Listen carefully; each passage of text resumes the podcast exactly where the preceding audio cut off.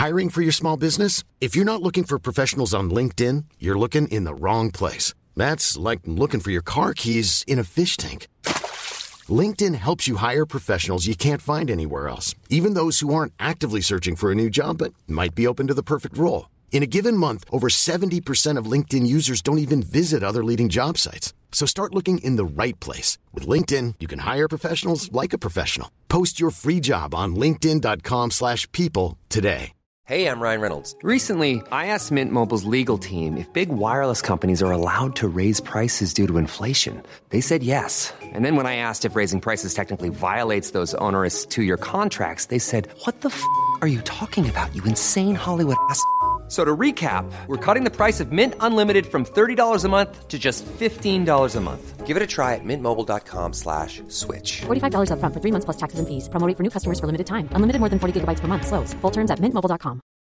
When you make decisions for your company, you look for the no-brainers. And if you have a lot of mailing to do, stamps.com is the ultimate no-brainer. It streamlines your processes to make your business more efficient, which makes you less busy. Mail checks, invoices, legal documents, and everything you need to keep your business running with stamps.com. Seamlessly connect with every major marketplace and shopping cart. Schedule package pickups and see your cheapest and fastest shipping options from different carriers. With rates up to 89% off USPS and UPS rates. And with the stamps.com mobile app, you can take care of mailing and shipping wherever you are. Make the same no-brainer decision as over 1 million other businesses with stamps.com. Sign up with code program for a 4-week trial plus free postage and a free digital scale. No long-term commitments or contracts. That's stamps.com.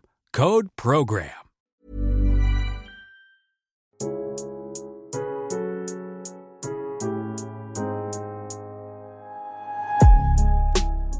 Den 24 februari 2022 korsade ryska stridsvagnar gränsen till Ukraina med ett enda mål. Att införliva hela Ukraina i Ryssland. Men vad Putin hoppades skulle bli ett kort blitzkrig blev någonting helt annat och än idag, mer än 600 dagar senare, så fortsätter kriget. Ukraina kämpar fortfarande och har fått stöd av väst och många frivilliga har tagit sig ner till Ukraina för att kämpa på Ukrainas sida mot Ryssland. Och idag har jag den stora äran att få välkomna en av dem som valde att frivilligt resa ner för att strida på Ukrainas sida. Det är den svenska Ukraina-frivilliga personen under namnet Okänd soldat eller kanske då Sten. Välkommen till Maxten, Sten. Tack. Ja, du har valt att eh, vara anonym så vi kommer att eh, inte visa ditt ansikte här eh, av eh, de skälen. Eh, vi kan väl börja där. Varför vill du vara anonym? Det finns eh, flera anledningar egentligen. En av de enklaste är att Försvarsmakten rådgav mig att vara anonym när jag begav mig. Innan jag åkte till Ukraina så var jag ju både anställd i Försvarsmakten och studerade på Karlberg till att bli officer. Och de sa till mig att det skulle försvåra för min återgång till Försvarsmakten om jag eh, var ute med namn. Men sen finns det även en ganska tydlig hotbild mot oss som är Ukraina-frivilliga. Ett skräckexempel är en kvinnlig kollega jag hade i min bataljon som senare gick vidare till de reguljära styrkorna. Hon var ute med namn och ansikte i media flitigt vilket tjänade henne väldigt bra i eh, donationsvärlden. Det var en väldigt sympatisk historia när hon kunde berätta mer om sin uppväxt och vem hon egentligen var. Men det fick sina konsekvenser när hon tjänstgjorde på fronten med marininfanteriet. Och eh, ryska medier gick ut med dödsannonser och nyheter om hennes död som nådde hennes föräldrar medan hon var otillgänglig på fronten. Så hela hennes släkt trodde att hon hade dött när hon Right. egentligen inte ens var skadad. Nej. Det finns mycket påverkansoperationer som sker. De försöker ringa anhöriga, trakassera folk, tvinga folk att tänka om, skrämma folk egentligen. Mm. Så det är mycket för min egen och min familjs säkerhet också. Mm. Ja, men det, det låter klokt och det ska vi naturligtvis eh, hedra den anonymiteten och jättetack för att du har valt att komma hit idag. Jag tror vi kommer ha en bra diskussion och jag tror att det finns väldigt mycket för våra lyssnare och kanske ännu mer för Försvarsmakten att ta med sig från eh, det som eh, händer där nere. Men, precis. Men innan vi rullar igång med erfarenheter och, och du får berätta lite mer om din historia. Vad, vad har du för bakgrund om vi börjar där? Var är du uppväxt någonstans utan att gå in på detaljer? Jag har en ehm, ganska typisk normativ uppväxt. Jag växte upp i södra Sverige, i en stad, i en, ehm, en frånskild mor men en närvarande far. Ehm, och eh, tänkte att jag skulle bli akademiker. Gick lite samhällsvetenskapliga linjer, skulle bli jurist. Sen gjorde jag värnplikten och ehm, fick upp ögonen för ett, en annan typ av liv. Ett liv där jag kunde utmanas varje dag egentligen. Mm. Ett, eh, ett, liv som passade mig bättre än det akademiska och det civila. Det tror jag är ganska många av dem som har gjort lumpen och kanske inte alls tänkt från början att de skulle fortsätta vidare i, i grönt eller i blått men eh, får upp ögonen just för det här. Men för dig då var det lite utmaningen helt enkelt att, att pressa sig själv. Ja verkligen. När jag hade studerat eh, i gymnasiet och även efter värnplikten när jag försökte gå in i det akademiska så kände jag hela tiden att det var, det var tråkigt. Jag behövde inte ge allt. Jag kunde ge lite grann, det var nog. Sen såg jag framför mig ett yrkesliv där jag skulle sitta vid ett skrivbord och göra ungefär samma sak varje dag hela mitt liv. Utan att det någonsin skulle vara väldigt svårt egentligen. det visste jag att det, det passade inte mig längre. Jag hade hittat det i Försvarsmakten, den, den utmaningen, den, den pressen. Det, det syftet man får där. Mm. Ja, men jag, som jag sa innan, jag tror det är många som, som känner igen sig i den. Och mm. Jag själv har ju slutat i, i, i militär och det är massor med de sakerna som man som man saknar och man får helt enkelt försöka fylla upp det med, med andra utmaningar eh, som att börja podda till exempel. Ja, nej men, så du har en, en, en militär bakgrund med, med värnplikt. Eh, och har du någon, några särskilda saker du, du liksom vill trycka på där som du har tagit med dig med erfarenheter? Och... Jag har en ganska lång och varierad eh, erfarenhet i Försvarsmakten som GSS. Jag började ju som värnpliktig. Mitten av eh, 2000-talet. Där eh, gjorde jag värnplikt som sjukvårdare på ett pansarregemente. Efter det så tjänstgjorde jag som sjukvårdare, skyddssoldat, sen gruppchef på ett infanteriregemente. För att sen gå vidare till amfibiekåren där jag jobbade ett antal år med spaning och skytteuppgifter. För att till slut gå tillbaka till infanteriet i en sjukvårdskapacitet. Och sen eh, 2020 började jag på Karlberg så jag har varit på lite olika ställen och gjort lite olika saker. Ungefär 50% sjukvård, 50% gruppchefande och spaning skulle jag kunna sammanfatta det som. Mm. Ja, men en väldigt gedigen eh, erfarenhet och det är, det är sånt som vi inte har sett så mycket eh, innan man kom in med det här med GSS och just att man får möjlighet att ha soldater som är otroligt erfarna eh, och inte bara befälen som varit där länge utan även, även soldaterna. Ja, man kan ju nå en, en helt ny nivå av expertis. Jag tycker att våra värnpliktiga som vi har i Sverige har en väldigt hög standard internationellt. Det är någonting som jag ehm, fick upp ögonen för när jag åkte till Ukraina och mötte professionella soldater från hela världen som kom dit och frivilligt stred. Att, att våra värnpliktiga har en, en standard som håller dem i klass med väldigt många anställda runt om i världen. Men en värnpliktig kan man ju bara göra väldigt bra på en enda sak, sen är han klar. Men eh, när vi har GSS så kan vi bredda det då kan man ha en bra sjukvårdare, skyttesoldat och spaningssoldat samtidigt som kan allt det väldigt, väldigt bra på ett sätt som man absolut inte uppnår med värnpliktiga. Vad tror du det beror på att vi står oss så väl även med så att säga bara i citationstecken en, en värnpliktsutbildning? Det har helt och hållet att göra med vår utbildningskultur är jag övertygad om. Vi har en väldigt modern progressiv utbildningsmetodik där vi litar mycket på folk, där vi Försök fokusera på det viktiga, där folk får utveckla sig själva, där man tar eget ansvar, där man fokuserar på det som faktiskt är viktigt, på effekten och inte på eh, kadaverdisciplin och ett paradmässigt uppförande. Om man tittar på hur utbildningen går till i många andra länder så är det ju ofta ett fokus som tar bort väldigt mycket från syftet med det de faktiskt gör. En skyddssoldat eh, i USA till exempel kan hålla på med otroligt många saker som inte leder rakt mot skytteverksamheten.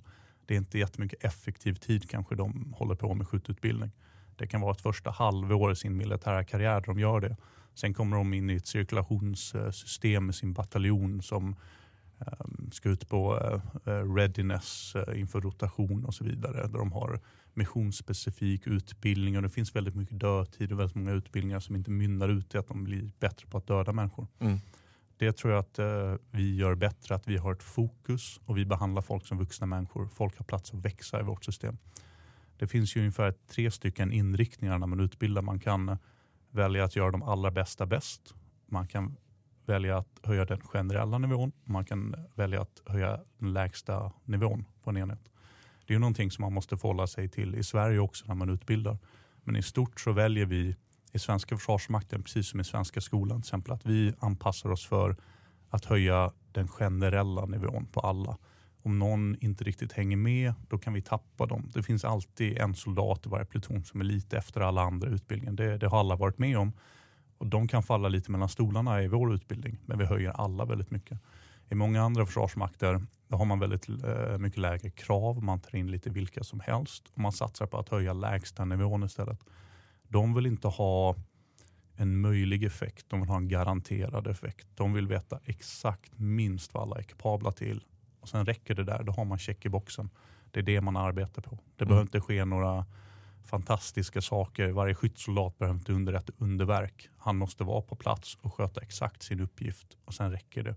Medan vi i Sverige har en mycket bredare förväntning på våra soldater. Alla ska ju kunna agera, improvisera och förbättra sig själva inom sitt skrå och uh, arbeta självständigt. Det förväntas inte någon annanstans. Så det, det är en del av vår metodik och vårt ganska rigorösa urval också. Vi tar ju in vad är det, 10 procent av ungdomskåren till värnplikten just nu. Mm. Då tar vi de 10 bästa procenten. Så fungerar det inte i många andra länder. Där tar man in den fattigaste 10 procenten. För det är de som behöver jobb, det är de som behöver utbildning. Det är de som vill ha allt det som vi får gratis i Sverige. Alla de fördelarna. Mm. Ja, det känns som det här har vi en hel podcast att diskutera in. Men jag känner igen, känner igen mycket av det du säger just från, eh, från min egen bakgrund då, som, eh, i flygvapnet. Just att det, eh, det finns en helt annan flexibilitet och, och den här tilltron till människan. Och där, det är ju grunden i uppdragstaktik också, Mm. ledningsfilosofin där. Så att, ja, men det, det får vi säkert eh, anledning att återkomma till längre fram i, i podden. Men eh, jag tänkte vi skulle kolla lite när det gäller eh, ockupationen av Krim och, och det här är ju, kan man ju se som en fortsättning av kriget som började 2014. Hur mycket har du följt eh, av, av historien innan? Har du varit mycket intresserad eller hur? Väldigt intresserad. Jag började följa utvecklingen eh, redan eh, när Ryssland stred mot eh, Georgien. Jag tyckte att det signalerade en, en nyvändning i utrikespolitiken i vårt närområde som eh, oroade mig väldigt mycket. Och eh, då började jag sätta mig in i det ryska narrativet, började lära mig lite ryska för att kunna läsa ryska nyheter och så. Och eh, Krim befäste ju det. Det befäste att det här var på väg åt ett visst håll. Ryssland hade tagit en ny position. De var inte den, den snälla grannen som försökte spela boll längre. De ville inte vara med och samarbeta. Så jag, jag var redan innan Krim väldigt engagerad i den ryska utrikespolitiken Mm. mot småstater i närområdet. För vi är ju en småstat i närområdet. Absolut, absolut. Och hur, eh, hur hörde du om, om invasionen? Så att du också som jag följde uppbyggnaden runt gränsen 2021 och sen så även runt 2022.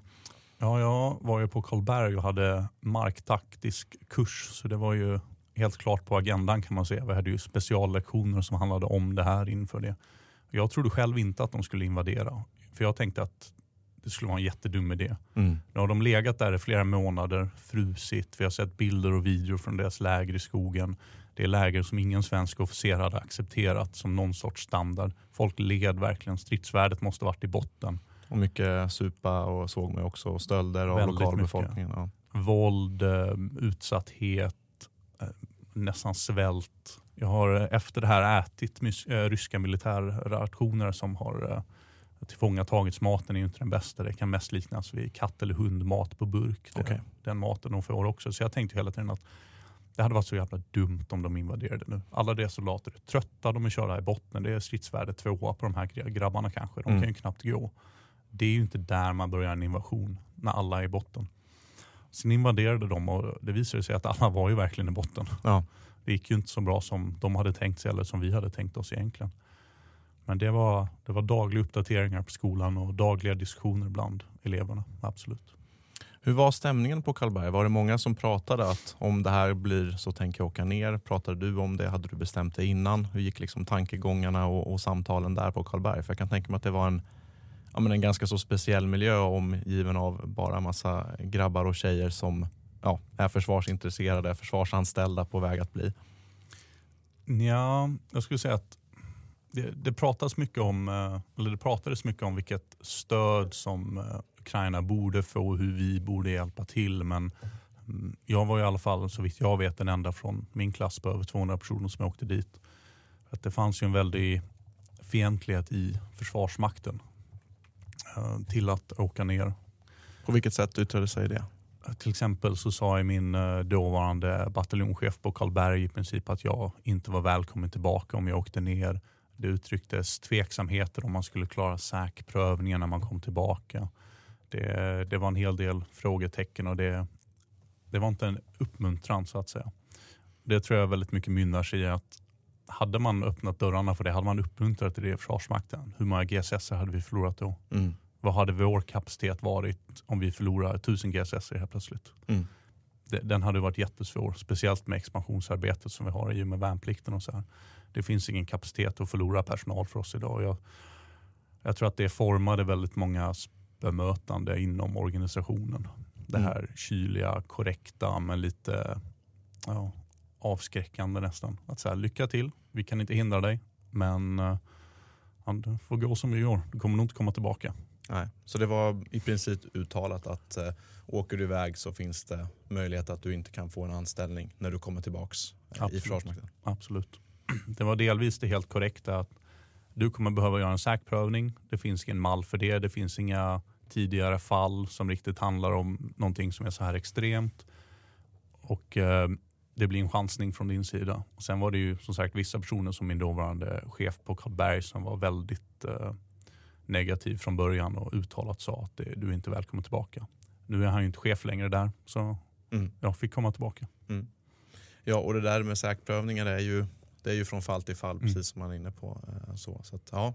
Ja, men vi hoppas ju naturligtvis att, vi, att du får komma tillbaka eh, ja, men jag som är, anställd. Jag är godkänd, du är godkänd nu. på ja. säkprövningen. Det är inga mm. problem. Nej. Det är flera som har fått komma tillbaka till anställning som GSS också. Mm. Det handlar väldigt mycket tror jag om vad man har gjort i Ukraina. Mm. Det har ju förut snackats om att det är omöjligt att komma tillbaka efter Ukraina. Men jag tror mycket av det hängde i att de som åkte 2014, de åkte till vissa specifika enheter med mm. väldigt tydliga högerextrema politiska kopplingar som mm. till exempel Azov. Då.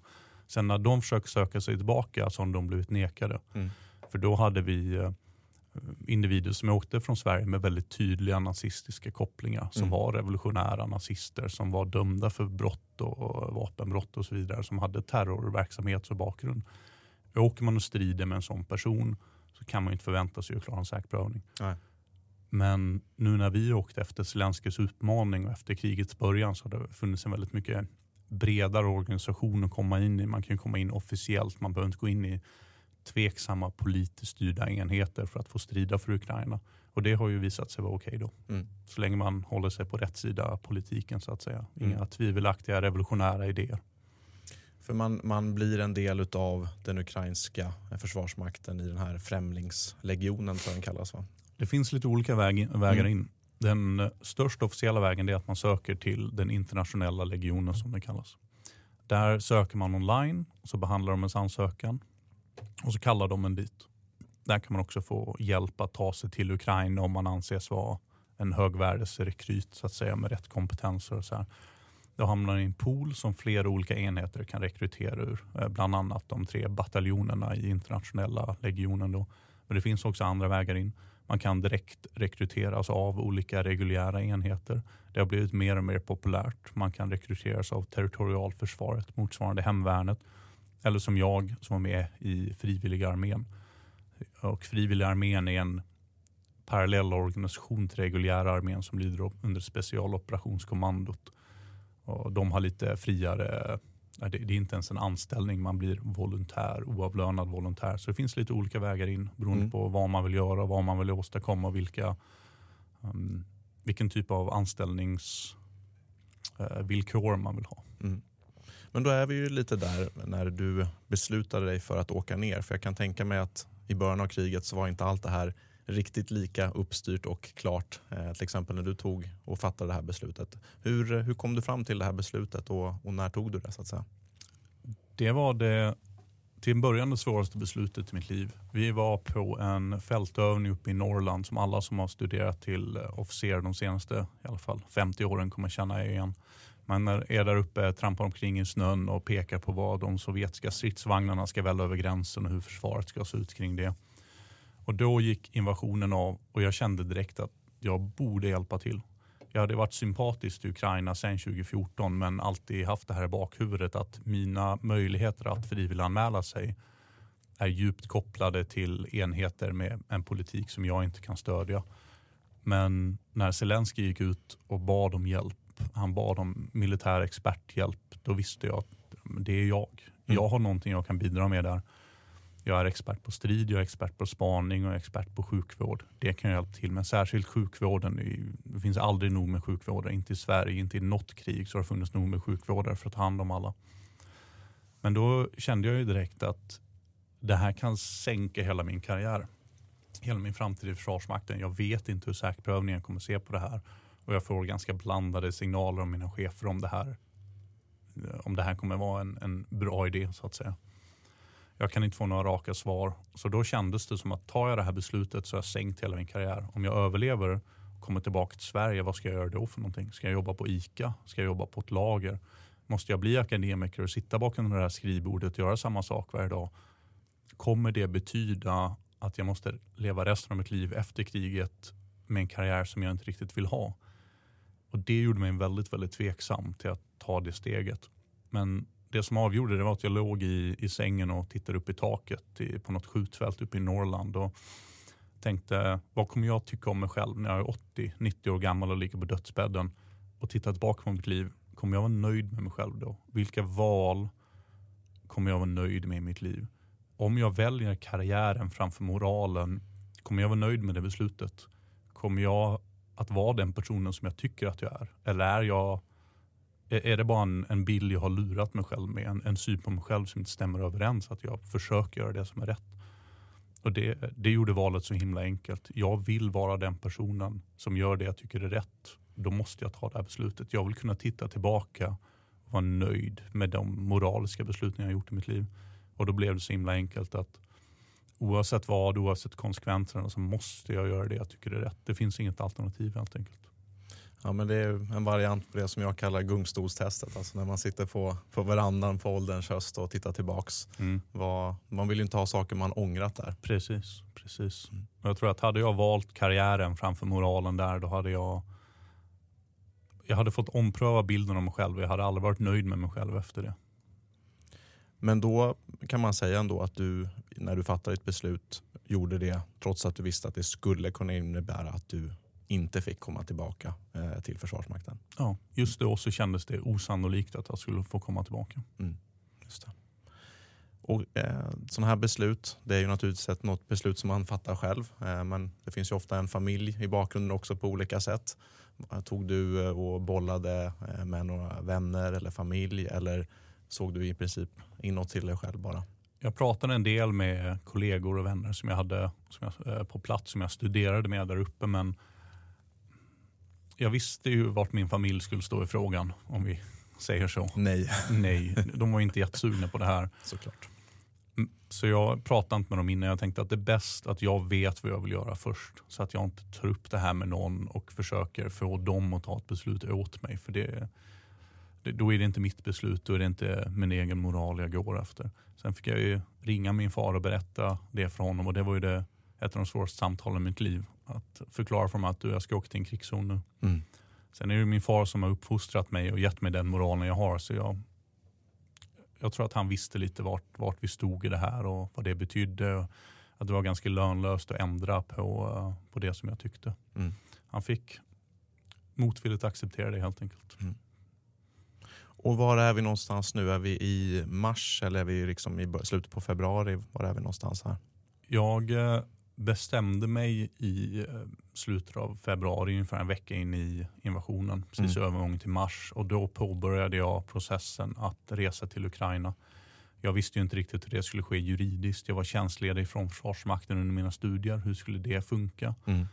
Um, så det var lite jag var tvungen att kolla upp och lite administration och avrustning och så man var tvungen att göra som tog ungefär två veckor innan jag var redo att åka iväg till Ukraina. Så, och så att det var två veckor, då var tre veckor efter invasionen alltså. Ja. Mm. Och då naturligtvis, i början där så var det ju mycket som var oklart. Det var många som trodde att eh, Ukraina skulle falla eh, inom några dagar och då och i samma veva där satte du dig ner på ett tåg eller ett flyg ner till, till. Kan du inte berätta om resan ner? Den var kotisk kan man minst sagt säga. Det fanns en plan i början av kriget om att sätta upp ett svenskt eh, frivilligt skytte spaningskompani För det var väldigt många svenskar som hade ringt till ambassaden och hört av sig, precis som jag gjorde och sagt att jag är villig att slåss för Ukraina, vad ska jag göra? Ambassaden har inte någon organisation som kan ta hand om det här. De var inte redo för Zelenskyjs vädjan om vi säger så. Nej. Um, så den de, ukrainska ambassaden i Stockholm? Mm. Precis, precis. De kunde inte ta hand om det. Så då fick eh, de svenska volontärerna själva organisera sig. Och det såg bra ut i en början. Sagt 450 ansökningar, eh, Eh, drog ner det till kanske 120 individer som eh, faktiskt kunde någonting vettigt, som hade rätt bakgrunder. Och eh, det mynnade inte ut i någonting. Det togs lite konstiga beslut. Det var chefer som inte riktigt var närvarande. Det var dålig kontakt med, med den ukrainska eh, frivilliglegionen och så vidare. Så den planen rann ut lite i sanden. Och då bestämde jag och tre andra svenska medborgare oss för att vi åker ner själva bara och tar tag i det här. Mm. Vi, eh, vi skippar hela det. Vi åker dit som privatpersoner istället för som en organiserad svensk enhet. Mm. Um, och då beställde man bara en flygbiljett till Krakow och en tågbiljett till gränsen och så fick man hoppas på det bästa. Mm. Vad gjorde du för andra förberedelser? För det, det pratades ju mycket om personlig utrustning och brist på sådan. Alltså såklart en, en armé som precis har gått i krig eh, lider ju alltid brist på allt. Vad hade du med dig för någonting? Vad köpte du? Vad gjorde du för andra liksom, förberedelser? Och, och... Jag eh, har, hade tyvärr inte så mycket militärmaterial som jag själv ägde. Jag hade varit väldigt duktig med att bara använda det som Försvarsmakten gav mig och sånt på senare dagar. Jag hade gått ifrån mina yngre lite. Så jag hade i princip min civila friluftsutrustning. Jag hade ett litet enmanstält, jag hade en, eh, en stor ryggsäck, varma kläder, bra ullunderkläder, lite vattenfilter. Det som man behöver för att klara sig en dag på fjället helt enkelt, mm. oavsett uh, vilket väder. Så det var, det var det jag packade ner, det var så mycket jag kunde förbereda mig. Sen var det att uh, göra mig av med allt annat jag ägde, göra mig av med alla mina utgifter, se till så att jag inte går i konkurs första veckan i Ukraina utan inkomster. Så det, det var ganska enkelt.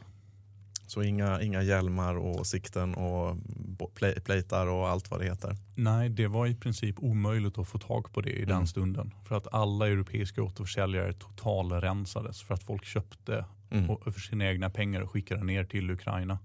Så det var nästan omöjligt att få tag på den typen av militär utrustning där och då. Och jag kände inte att jag ville vänta på det.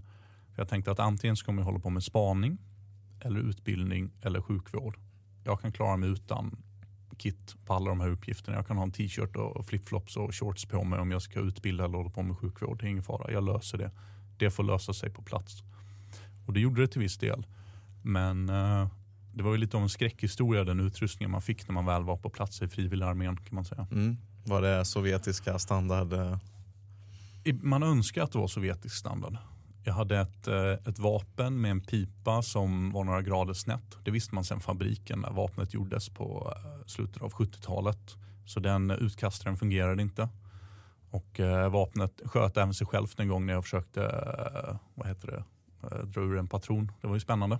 Ja, så kallad slamfire. Det är tydligen ja. ganska vanligt med gamla Kalashnikov, så fick man lära sig sen. Okay. Sen fick, vi, fick jag en hjälm, en sovjetisk hjälm. Så den litade på att den funkade på 80-talet. Mm. Sen har han legat i ett fuktigt förråd sen 80-talet. Och då vet jag inte riktigt vilken typ av material det är. Och har den torrluftats? Förmodligen inte. Antagligen inte. Nej, förmodligen inte. Den har legat i någon betongklump eller någon eh, bunker och ruttnat. Mm. Sen plattbäraren jag fick, det var en uh, typisk här minimal plattbärare med bara en skottsäker platta fram och bak med väldigt lite täckning. Så ganska dålig mot splitter egentligen. Mm. Plattbärarens uh, material i själva tyget var någon typ av airsoft-kvalitet. Inhemskt tillverkade i Ukraina för en, en, väldigt låg standard och en väldigt låg peng. Plattan som de satt i, där hade frivilligarmén gått till ett stålupplag.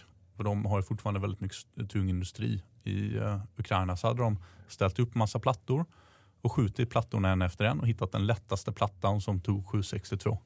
Och sen skar man upp den i plattform och satte in den. Så det var bara en industristålsplatta. Så den vägde ju 14-15 kilo. Ingen beläggning för att eh, det inte skulle spruta splitter i ansiktet på en. Och eh, deformationen om man hade blivit skjuten i den hade ju inte varit trevlig. Alltså. Det hade ju blivit brutna revben och interna rupturer kan jag tveklöst säga som sjukvårdare. Så den eh, utrustning man fick där var högst tveksam högst tveksam. Men det har blivit bättre med kriget. Det var just mm. i början när man mobiliserade 300 000 soldater på två, tre månader. Då fanns det inget att tillgå. Hela Europa var rensat. Mm. Men då, ni flög ner till Krakow, du och eh, tre andra eh, svenska medborgare och sen så tog ni er till gränsen, gränsövergången och vad hände sen? Gränsövergången var minst sagt kaotisk. Det gick in eh, eh, Eh, flyktingtåg fyllda med kvinnor och barn stup i kvarten. Så fick man hoppa på flyktingtågen och ta dem tillbaka. Det var ganska mycket ovanligare att åka in i Ukraina än ut ur Ukraina kan man ju lugnt sagt säga. Det har också vänt på senare tid. Då var det jag, de här tre svenskarna varav två var eh, svenska GSS som hade sagt upp sig inför det här. Och en var en, eh, för det, eh, han hade gjort värnplikten i Finland, den sista personen. Och det var bara att eh, visa upp sina pass och hoppa på. Så fick man frågan militärer. Ja, ja absolut, gå ombord. Vi kollar inte era väskor, det är lugnt. liksom. Ni, ni löser det va? Alltså det, var, det var lite vilda västern-känsla. Mm. Och då åkte vi in till Lviv i början. Mm. För att vi visste inte riktigt vad vi skulle. Första planen det var att åka till internationella legionen. Men just i samband med att vi åkte in i Ukraina så blev eh, deras förläggning eh, träffad av ett eh, stort robotangrepp med Mm. ganska många dödsfall. Och efter det så var det väldigt osäkert på, med vad legionen egentligen skulle göra. Det var mycket diskussioner, och mycket rykten om att de kanske skulle eh, gå in i längre träningsperioder på flera månader. Eller att de kanske skulle sköta lite rear area security i västra delen av landet för att befria så att territorialförsvaret kunde åka österut. Och vi kände inte riktigt att vi var sugna på varken att träna sig i tre månaders sträck eller att eh, vakta en checkpoint utanför Lviv. Så vi eh, sökte lite andra alternativ och fick höra ryktesvägen. Någon som vi hade träffat i en källare där det bodde volontärer hade åkt till Kiev, hade träffat en sjukvårdsenhet. Han ringde upp oss och sa var inte, var inte ni sjukvårdare allihopa? Och tre av oss var sjukvårdare av de fyra. Då sa, jo men absolut. Och sa han, det finns en sjukvårdsenhet här. De behöver sjukvårdare. De är i Kiev. De bedriver sjukvårdstjänst på fronten som då var alldeles utanför Kiev. Kom hit så tar de er idag. Det var det vi gjorde. Vi tog ett nattåg till Kiev. Eller det skulle inte vara ett nattåg. Det blev ett nattåg för att det bombades hela tiden. Vi kunde inte åka in den reguljära eh, järnvägen in till Kiev för de stred på järnvägsspåren då väster om Kiev. Så vi fick åka runt från söder och in där. Kom eh, mitt i natten till eh, den här tågstationen. Fick sova över där för det var utgångsförbud. Det är nog det kallaste jag varit i hela mitt liv. Mm. För vi, eh, vi hade inte alla rätt eh, vinterutrustning om man säger så. Jag var den som hade med mig vinterutrustning som jag aldrig fick dela på. Fick man lida lite för det.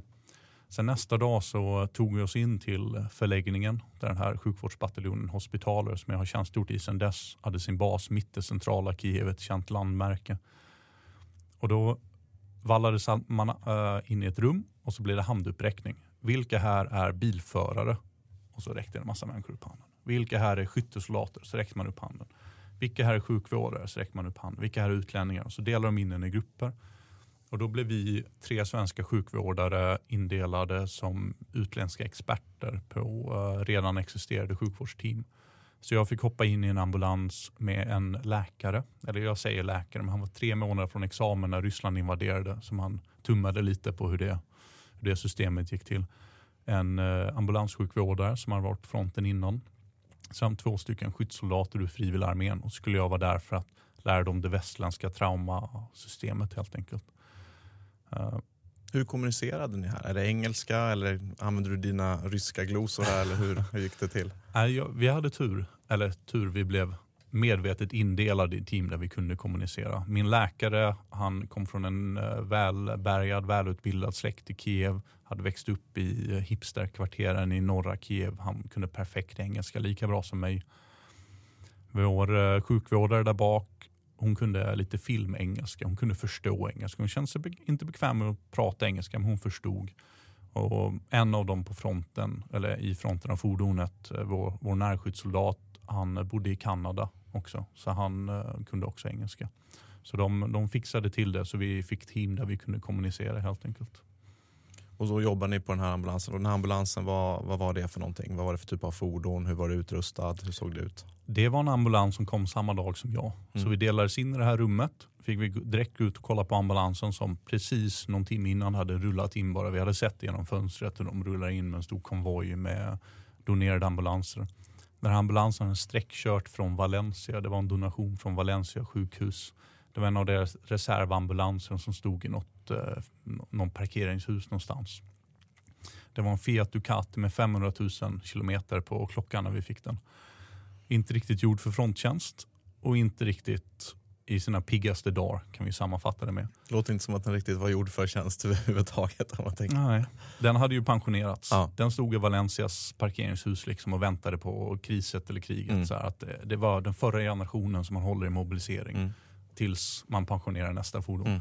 Men de fick vi och den tjänstgjorde ändå fyra, fem månader kanske innan den dog.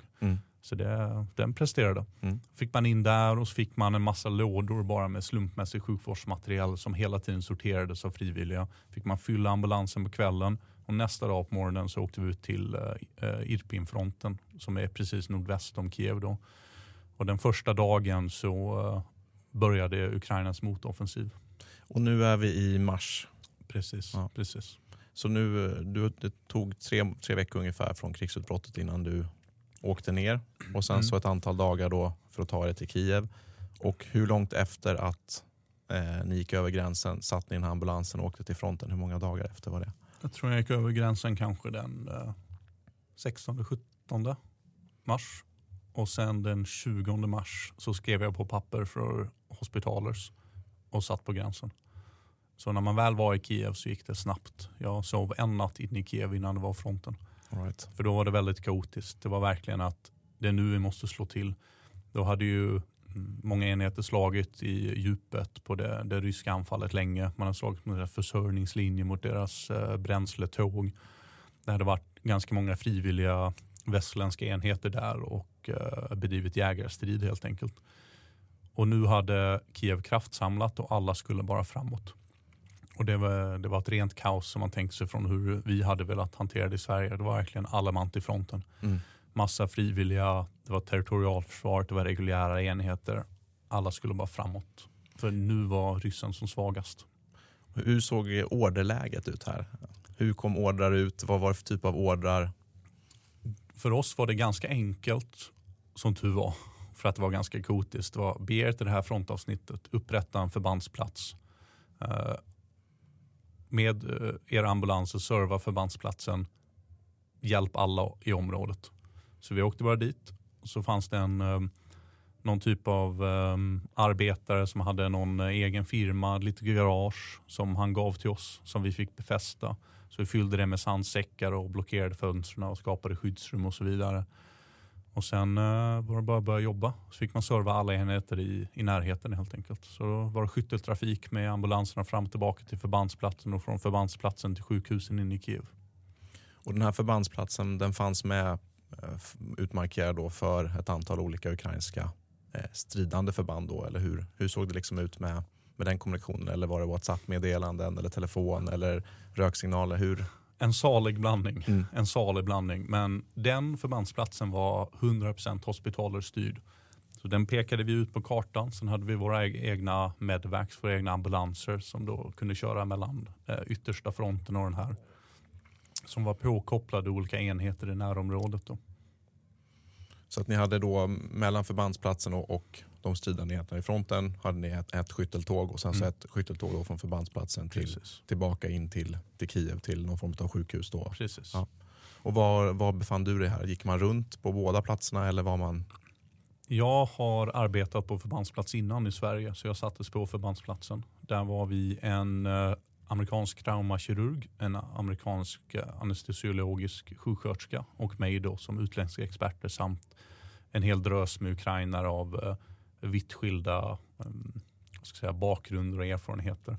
Men vi västlänningar fick styra ihop det här till eh, en förbandsplats i militär anda. De två amerikanerna hade till exempel varit i Iraks eh, offensiv mot IS som frivilligarbetare och gjort ungefär samma sak. Och jag hade ju sagt jobbat med det i Sverige också.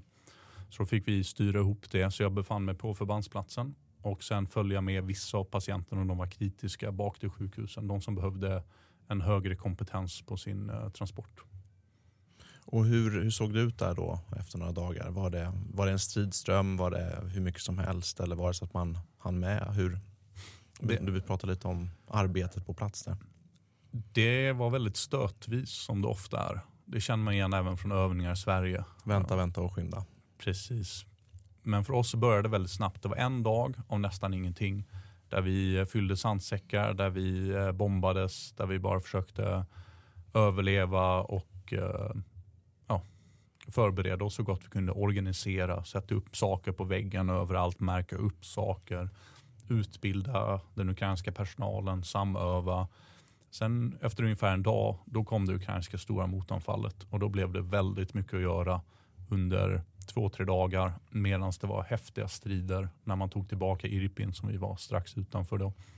Och då följde de andra två, eh, det var ju tre svenskar och de var i två olika grupper. De följde med fronten framåt hela tiden. De började väldigt nära oss. Vi kunde se fronten från taket på vårt hus och så rörde den sig sakta bortåt. Så var jag där i ja, kanske två veckor innan eh, slaget var vunnet. Ryssen var borta. De hade dragit sig tillbaka hela vägen till Belarus. Vi kunde avveckla. Så det var, ni kom ut då precis i samband med motoffensiven utanför för Kiev. Precis. Och, eh, och sen så blev det lite lugnare. Men hur såg skadorna ut då? Alltså är, det, är det splitter eller är det skottskador eller en allsköns blandning? Vad... Det är nästan uteslutande splitterskador och Eh, det som kallas TBI, traumatic brain injury, alltså olika typer och grader av hjärnskakningar och hjärnblödningar. Det är en, en väldigt stor majoritet av alla skadade. Det är väldigt ovanligt att enheter har många skottskador. Det beror lite på vilken typ av enhet man servar. Är det mycket spaning till exempel så blir det ganska många skottskador för de kommer ju ganska nära innan de blir upptäckta.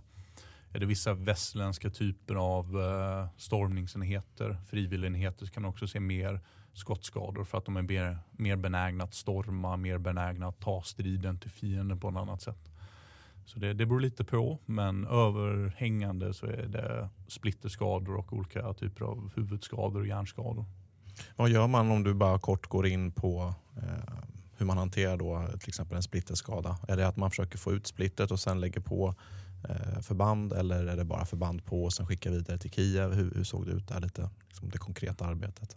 Det beror lite på vilken kompetensnivå man själv har och hur sjukvårdskedjan ser ut. På vissa platser så har man en solid sjukvårdskedja. Där man är väldigt nära ett sjukhus och sjukhus med hög kapacitet. På andra platser så kan det vara väldigt svårt att komma till en bra sjukvårdskedja på det sättet. Då kan det finnas avbrott i, eh, i kedjan eller man kan bli lite fördröjd i kedjan. Och Då kan det vara bra om man som sjukvårdare kan, kan ta på sig mer arbete.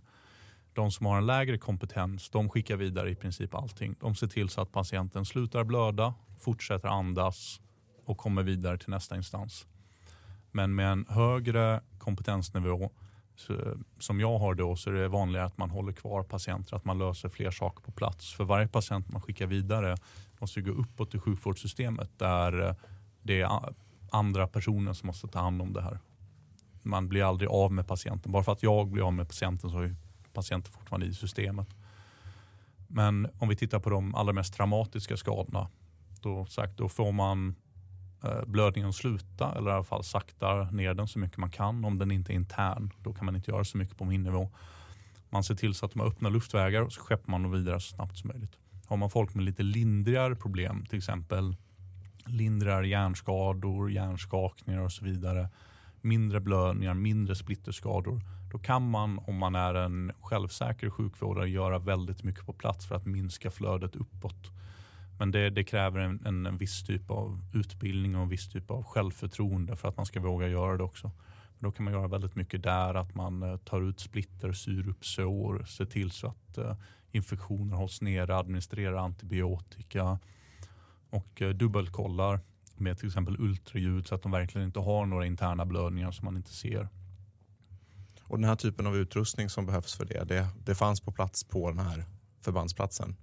Till viss del. Till viss, till viss del. Det var en väldigt stor brist på utrustning i början av kriget. En otroligt stor brist. Man fick alltid prioritera. Man fick alltid välja ut vilka patienter som verkligen, verkligen behövde en viss insats.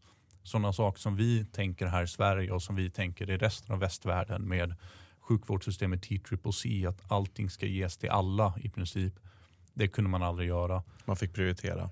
Man fick prioritera på ett sätt som vi verkligen inte övat för här. En klassiker är ju till exempel, eh, det finns en typ av bäckenstabiliserande um, förband man lägger på folk som har varit nära explosioner. När jag utbildades så var det att alla som har varit med om explosioner ska ha en sån här på sig. Det är ju någonting som är väldigt vettigt i Afghanistan till exempel.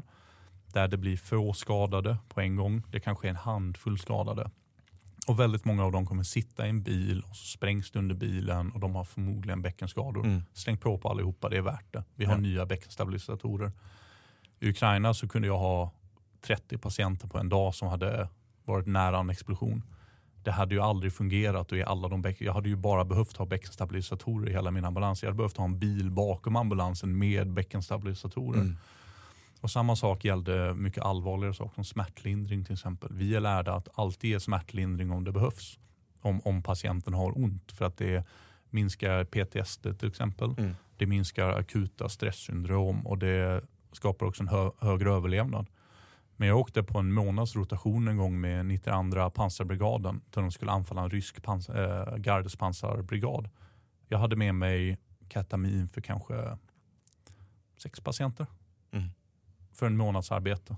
Det kan man ju blåsa på en dag mm. om man ger det till alla som vi tänker att vi ska ge det till. Så i början av kriget var det en extrem prioritering. Och det, man måste fortfarande prioritera men det har blivit bättre och bättre. Speciellt mm. när mitt stöd från Sverige ökade och min, uh, min exponering i media ökade. Så blir det enklare att, att ge patienterna den vården som de faktiskt behövde. Mm. In the market for investment worthy bags, watches and fine jewelry Rebag is the answer.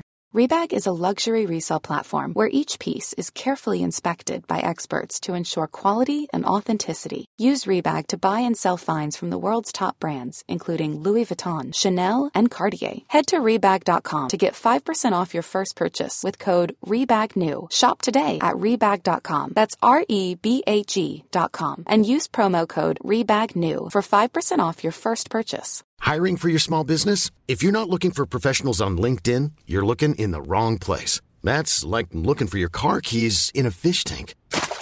LinkedIn helps you hire professionals you can't find anywhere else, even those who aren't actively searching for a new job but might be open to the perfect role. In a given month, over 70% of LinkedIn users don't even visit other leading job sites. So start looking in the right place. With LinkedIn, you can hire professionals like a professional. Post your free job on linkedin.com slash people today. Har eh, några från jag tänker försvarsmedicin eh, och så mm, liksom samlat ihop de här erfarenheterna? För jag tänker här pratar vi verkligen specifika, vad ska vi kalla det, stridstekniska åtgärder på, på, för sjukvårdskedjan. Och som, som jag kan tänka mig, nu, nu spekulerar jag lite, men att man har dragit mycket erfarenheter som du var inne på från Afghanistan, eh, från Mali, alltså den typen av internationella insatser jämfört med storkriget. Jag kan tänka mig att det är precis som du säger, eh, finns en hel del som, som vi måste lära oss i Sverige. Det finns jättemycket vi kan lära oss, absolut. Och det finns jättemånga med den kompetensen, både kvar i Ukraina och som kommer hem. Men jag har inte hört om några försök alls från Försvarsmakten att ta kontakt med krigsfrivilliga. Eh, varken när eh, Marxistskolan har gjort sina erfarenhetsinhämtningar eller när Förmed har gjort sina erfarenhetsinhämtningar eh, så har jag hört någonting att de har pratat med faktiska soldater. Jag misstänker, om jag spekulerar, att de har rört sig i officiella kanaler, pratat med befäl som eh, har en, en högre ansvarsnivå eh, på det här och kan ge en större bild. Vilket jag förstår, det är ju den officiella vägen, det är den vägen man ska gå. Men man måste förstå att under det brinnande kriget så använder sig Ukraina väldigt mycket av propaganda. Precis som alla krigsförande länder. Det är inte en sån typ av propaganda som eh, Ryssland använder sig av, där Ryssland medvetet ljuger. Jag har aldrig kommit på Ukraina med att ljuga om någonting. Men de väljer vad de vill berätta om. För Såklart. Absolut, det hade vi också gjort. Mm. Det är självklart. Det är ingenting som jag belastar dem för. Det är ingenting som jag tycker att de borde sluta med. Men det är någonting vi måste inse när vi pratar med dem. Att de ger inte oss hela bilden. Och Det är jag lite orolig för när det sker erfarenhetsinhämtningar genom endast officiella kanaler. Kommer de kanalerna att ge dig den mikronivån som vi kanske behöver på vissa fall? kommer de ge dig den hela bilden. Kommer de berätta om svårigheterna, inte bara om framgångarna. Mm. För att den officiella bilden är ju inte alltid den som man ser på fronten. Sagt, det är inga lögner, men det är inte hela bilden. Och där, där tror jag att vi går miste om en hel del. För vi har flera svenskar som är och strider i Ukraina, som är lojala till Sverige, som är villiga att samarbeta med svenska försvarsmakten. Och Det är någonting vi borde ta vara på. Mm. Även om de inte åker tillbaka till Försvarsmakten efteråt så borde man prata med dem och samla in de här erfarenheterna så man får ett perspektiv som man kan lita på till 100 procent. Som inte är putsat, som inte är ett urval och som ger allt det här lilla som vi kan förbättra. För det är många liv som kan räddas Mm. om, man, eh, om man lär sig av rätt saker. Nej, och jag som eh, historiskt intresserad, man, jag tycker att det här är någonting som återkommer just när det gäller frivilliga svenskar som har varit på, eh, på andra platser och, och stridit. Eh, att det finns en, eh, en ovilja, kanske till och med ja, en ovilja helt enkelt att, att vilja eh, fråga och, och ta vara på den. Precis som du säger där att det, det här fluffiga, stora erfarenheterna, de är naturligtvis jätteviktiga de också. Men det finns ju verkligen ner på, på, på soldatnivå att, att dra massor med, med erfarenheter här. Så att det är väl ett tips. Vi får skicka vidare det till Försvarsmakten, de som lyssnar. Absolut, jag kommer gärna till Förmedse och talar eller till MSS, det är inga problem. Mm, ja, men det skickar vi med så får vi se om de plockar upp den bollen. Du har varit inne lite på det, men sjukvårdsutbildningen generellt, nu har ju du ja, väl, väl sjukvårdsutbildad jämfört med en, en genomsnittlig svensk värnpliktig. Men hur står sig vår sjukvårdsutbildning specifikt eh, mot, eh, ja, mot det som behövs? Vi är bland de absolut bästa i världen i Sverige, tveklöst. Jag håller inte med om alla beslut vi har tagit i sjukvårdsutbildningen. Jag håller inte med om allt fokus vi har och vissa av de ändringar som vi har gjort. I Sverige så använder vi ju till exempel oss av T-CCC-systemet som är utarbetat eh, i USA och vi modifierar det på vissa sätt för att passa oss. Så även om jag inte håller med om allt vi gör så är vi bäst. Så enkelt är det. Vi har inte alltid den bredaste medicinska kunskapen. Vi har inte alltid den djupaste medicinska kunskapen. Men vi är så otroligt duktiga på det praktiska och det är det som betyder någonting. Det finns väldigt många utländska sjukvårdare som kan väldigt mycket om väldigt många fler mediciner än vad jag kan. Eller som är väldigt mycket mer fördjupade i saker som jag inte är så fördjupad i. Även om jag har för svenska sjukvården väldigt hög utbildningsnivå. Men jag är otroligt duktig på allt det praktiska. Jag hade inte gjort det på tre, fyra år hade jag hållit på med det när jag kom dit. Och det satt ändå som sten på ett sätt som jag har sett att det inte gör hos andra utländska sjukvårdare. De är inte lika duktiga på en sån sak som att sätta tourniquet. Det finns inte. Och det, det ger oss en möjlighet att rädda fler liv. För det är oftast inte en bred eller en djup kunskap som räddar liv utan det är praktisk kunskap. De allra flesta personer som dör, de dör för att de blöder och de kan inte andas. Så enkelt är det. Det måste man praktiskt lösa. Det är ett hantverk. Det är inte ofta en, en akademisk fråga när du räddar liv på fronten. Det kan läkaren ta senare. Och de praktiska kunskaperna är vi så väldigt duktiga på. Vad beror det på? På att vi övar. Vi väljer att öva mer. Mm. Ett jättebra exempel är vår CLS-utbildning i Sverige. Eller eh, jag tror den kallas stridssjukvårdare nu för tiden. När jag gick den kallades den Combat Lifesaver. Och det är väldigt förvirrande när man pratar med NATO-utbildade människor. För Combat eh, Lifesaver är ett koncept inom TCCC. Men Combat Lifesaver är en 40 timmars utbildning i USA. Det är fem stycken åtta timmars dagar där du övar på samma sak som vi gör på en fem veckors sjukvårdsutbildning i Sverige. Exakt samma åtgärder, exakt samma verktyg, exakt samma typfall. Men där får du en dag på dig att lära dig varje sak. Vi har en vecka på oss att lära varje sak. Så där har vi valt att gå ner i formell kompetensnivå men gå upp i praktisk kompetensnivå. Och det har gjort oss otroligt duktiga. Den, den praktiska kunskapen den är oslagbar och det är den som räddar liv. Att jag vet eh, vad de 50 vanligaste medicinerna gör, det räddar väldigt få liv på fronten. Den ti, eh, tiotusende patienten som hade behövt den kunskapen, om han dör för att jag inte kan det, då är det värt det för jag har räddat så många andra människor Mm. på vägen bara för att jag är praktiskt duktig. Så det är någonting där vi har, verkligen har fokuserat helt rätt i våra avsteg från amerikansk sjukvårdsutbildning. Vi lägger mer tid på drill. När jag tog min CLS-utbildning här i Sverige då drillade jag tourniquet en vecka i sträck. Jag hade svarta armar och ben, jag kunde inte gå efteråt. Nej. Jag fick ju rulla fram. Liksom. Det känns som man skulle beställa en rullstol från sjukhuset. Och det gjorde mig duktig på det sättet att det sitter i än idag. Den utbildningen var nästan tio år sedan jag gick. Men jag kommer ihåg varje dag. Och det är den som gjorde mig riktigt, riktigt duktig. Den utbildningsnivån den har i princip ingen i utländska väpnade styrkor. Då ska man upp på en väldigt hög nivå för att folk ska vara så duktiga. Och då pratar vi ju inte år och dagar av träning utan som du säger, alltså det handlar också om att lägga fem veckor istället för en vecka. Mm. Det, ibland så på försvarstwitter och eh, även min egen erfarenhet från Försvarsmakten är att vi, eh, vi är duktiga på att lägga på ganska mycket tid eh, på saker. Och om vi ska lägga tid på någonstans, i min personliga uppfattning, då är det precis de här sakerna. Alltså det som faktiskt är soldatfärdigheter som, som får effekt och kanske mm. inte då om man ska raljera här på, på ytterligare en trafiksäkerhetsutbildning. Så det är säkert jätteviktigt det också men, men det låter som, ja men det, det tar vi med oss tycker jag för mm. det, det är gott att, eh, att höra. Men om vi skulle gå lite på insatser och urval. Nu har vi ju pratat om tiden precis efter eh, du kom ner och eh, motoffensiven. Och sen så lugnade det ner sig lite då? Eh, eller var det direkt ut i hetluften igen efter den här offensiven? Efter den offensiven så hade jag kanske två, tre dagar i Kiev innan vi åkte iväg till, eh, till Donbass. För då fanns det en ukrainsk ficka norr om Donetsk, söder om Luhansk. Fickan där till exempel Severodonetsk ligger om man nu haft lite nära koll på kriget. Den fickan försökte Ryssland stänga. De eh, drev norrifrån genom Izium och söderifrån där det inte fanns någon by. Så det är ingen som vet var det ligger någonstans. Men rakt söder om Izium försökte de knipa av fickan och stänga in en massa eh, ukrainska enheter som slogs. Klassisk dubbelomfattning alltså? Klassisk dubbelomfattning. Eh, så där behövde de eh, desperat hjälp. Så jag och mitt team åkte nästan direkt dit och var där i två, tre veckor kanske och hjälpte till där istället. Och hur såg det ut där?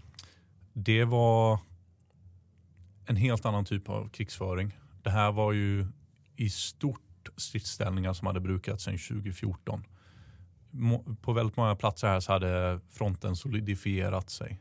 Och eh, det krävdes väldigt mycket mer arbete från Rysslands sida att ta sig fram alls i den terrängen. Men de slängde väldigt stora resurser på att försöka knipa av den här fickan. Det misslyckades de som tur var eh, med men Ukraina led otroliga förluster i det försvaret. Jag kom tillbaka till samma plats ungefär två månader senare och den territorialförsvarsenheten som hade skyddat den södra flanken hade lidit 80% förluster. Döda och skadade på mm. ungefär två månaders strider. Um, och sen sakta betades ju fickan av istället i slaget om Severodonetsk och, eh, och så. Men då kunde Ukraina ge mark i ett mer, ett mer kontrollerat sätt. De lämnade inga enheter bakom sig så att säga. Och Var det samma typ av eh, situation för, för dig liksom dagligdags när det gäller att, att ta hand om människor? Du var vid en förbandsplats. Den här gången så hade de en egen förbandsplats i närområdet. Så jag eh, arbetade på medevac eller ambulans om man inte är så bra på militära termer. Jag satt bak i samma ambulans med samma grupp och vi körde fram till en samlingsplats för skadade strax bakom fronten. Du kunde vara alltifrån 100 meter till eh, 2 kilometer beroende på eh, fiendeläget. Vi körde ju soft skins, alltså obepansrad ambulans, så att vi var lite utsatta och får man vara lite mer försiktig. Så då var det att be sig fram till en sån direkt efter striden var slut, plocka upp skador och köra dem bak till en förbandsplats. Då. Så i samband med att det ryska anfallet hade ebbat ut eller kulminerat och de hade dragit sig tillbaks, då samlade ukrainarna ihop sina eh, sårade och skadade, förde dem till den här platsen precis i anslutning till fronten och så ropade de upp er, ni körde fram, fyllde på och sen tillbaks till förbandsplatsen längre bak. Då. Precis, vi fick ofta ett samtal, så här, nu börjar striden, var redo, det kommer förmodligen bli någonting, sätter man på sig all utrustning. Mm. Nu har vi en skadad, så kör vi ut till någon sorts mellanstation som är på behörligt avstånd från stridigheterna så vi inte råkar bli träffade men så nära samlingsplatsen för skadade där vi plockar upp de skadade som möjligt. Då sitter vi där och väntar helt enkelt på att uh, det lugnar ner sig eller till att de kan uh, ta tillbaka de skadade. Där kunde man vänta allt ifrån två minuter till det längsta tror jag väntade åtta timmar på patienter. Bara för att striden fortsatte. Striden var så pass tung att de kunde inte dra sig tillbaka. Vi kunde inte röra oss framåt. Vi satt vid en, eh, en eh, postering och tittade på striden. Mm. Så körde förstärkningarna förbi oss fram och tillbaka. Men vi kunde inte komma fram. Inte ens eh, pansarfordonen som de hade i brigaden kunde komma fram. Det var bara för farligt. Så där fick folk ligga samlade i skyttegraven blödandes i åtta timmar innan striden avslutades, artilleriet avslutades och de kunde äntligen dra dem tillbaka till oss.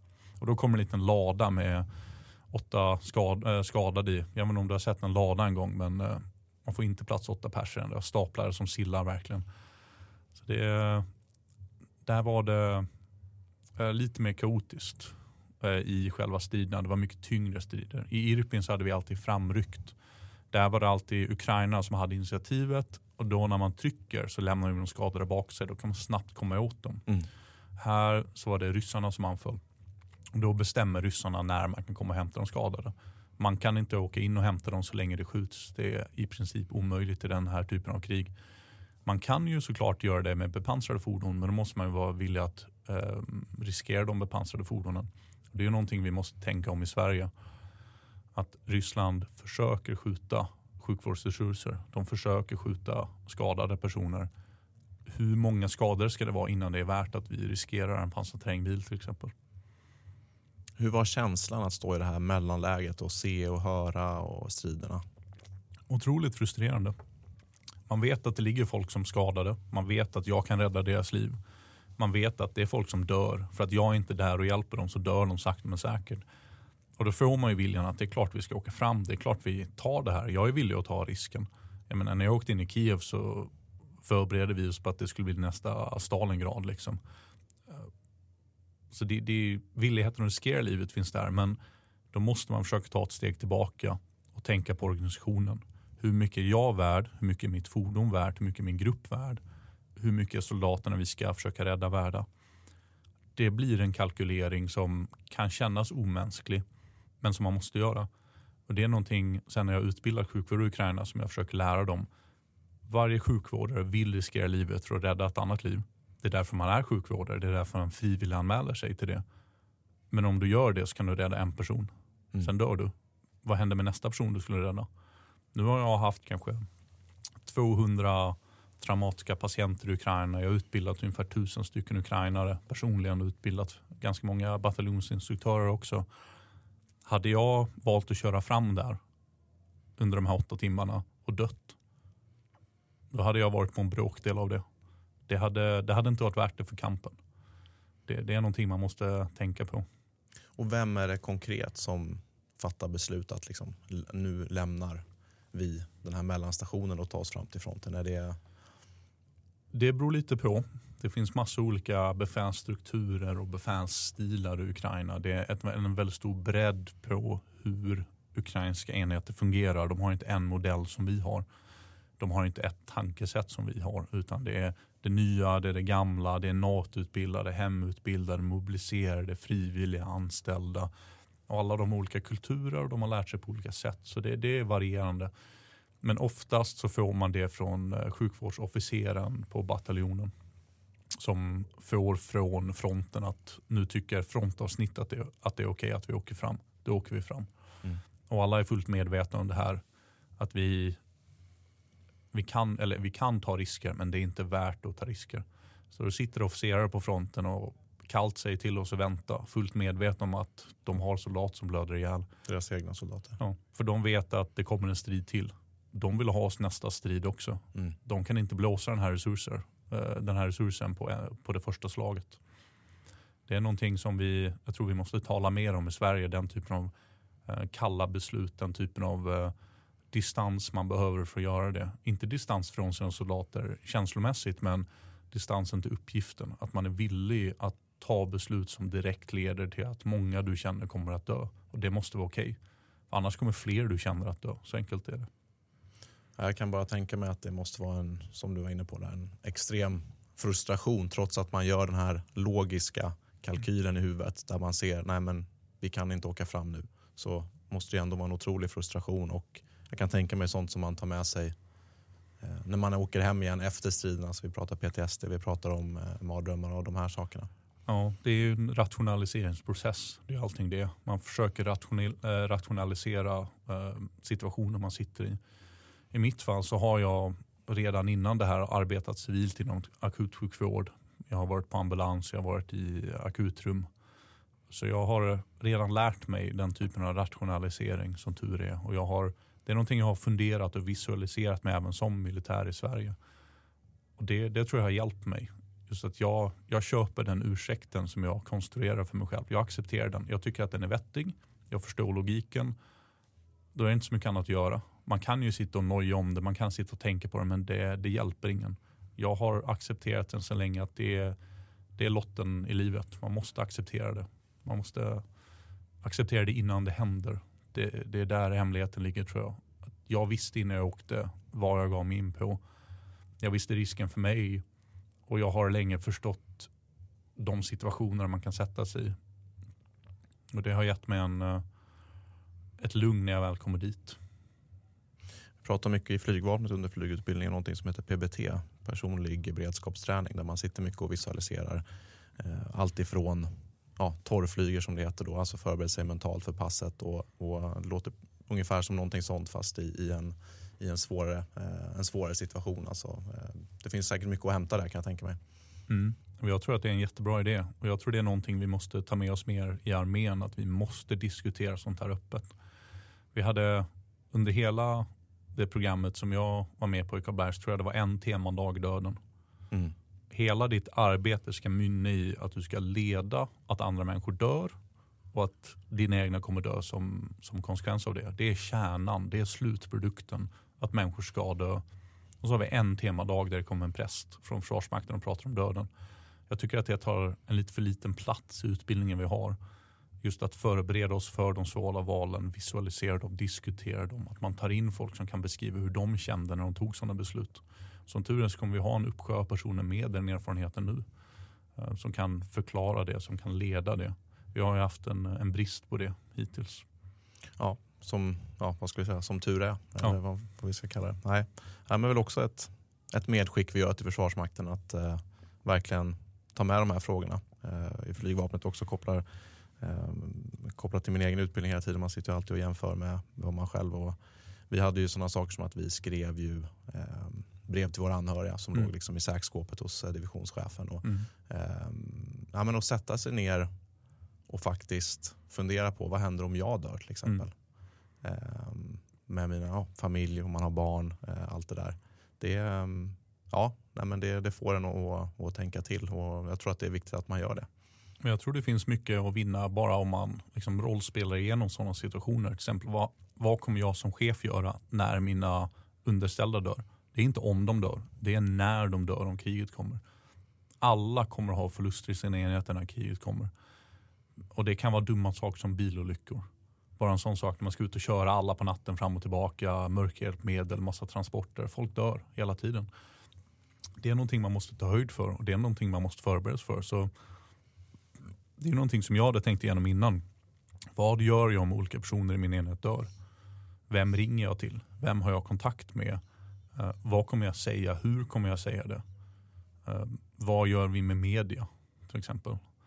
Och det, det gynnade mig sen.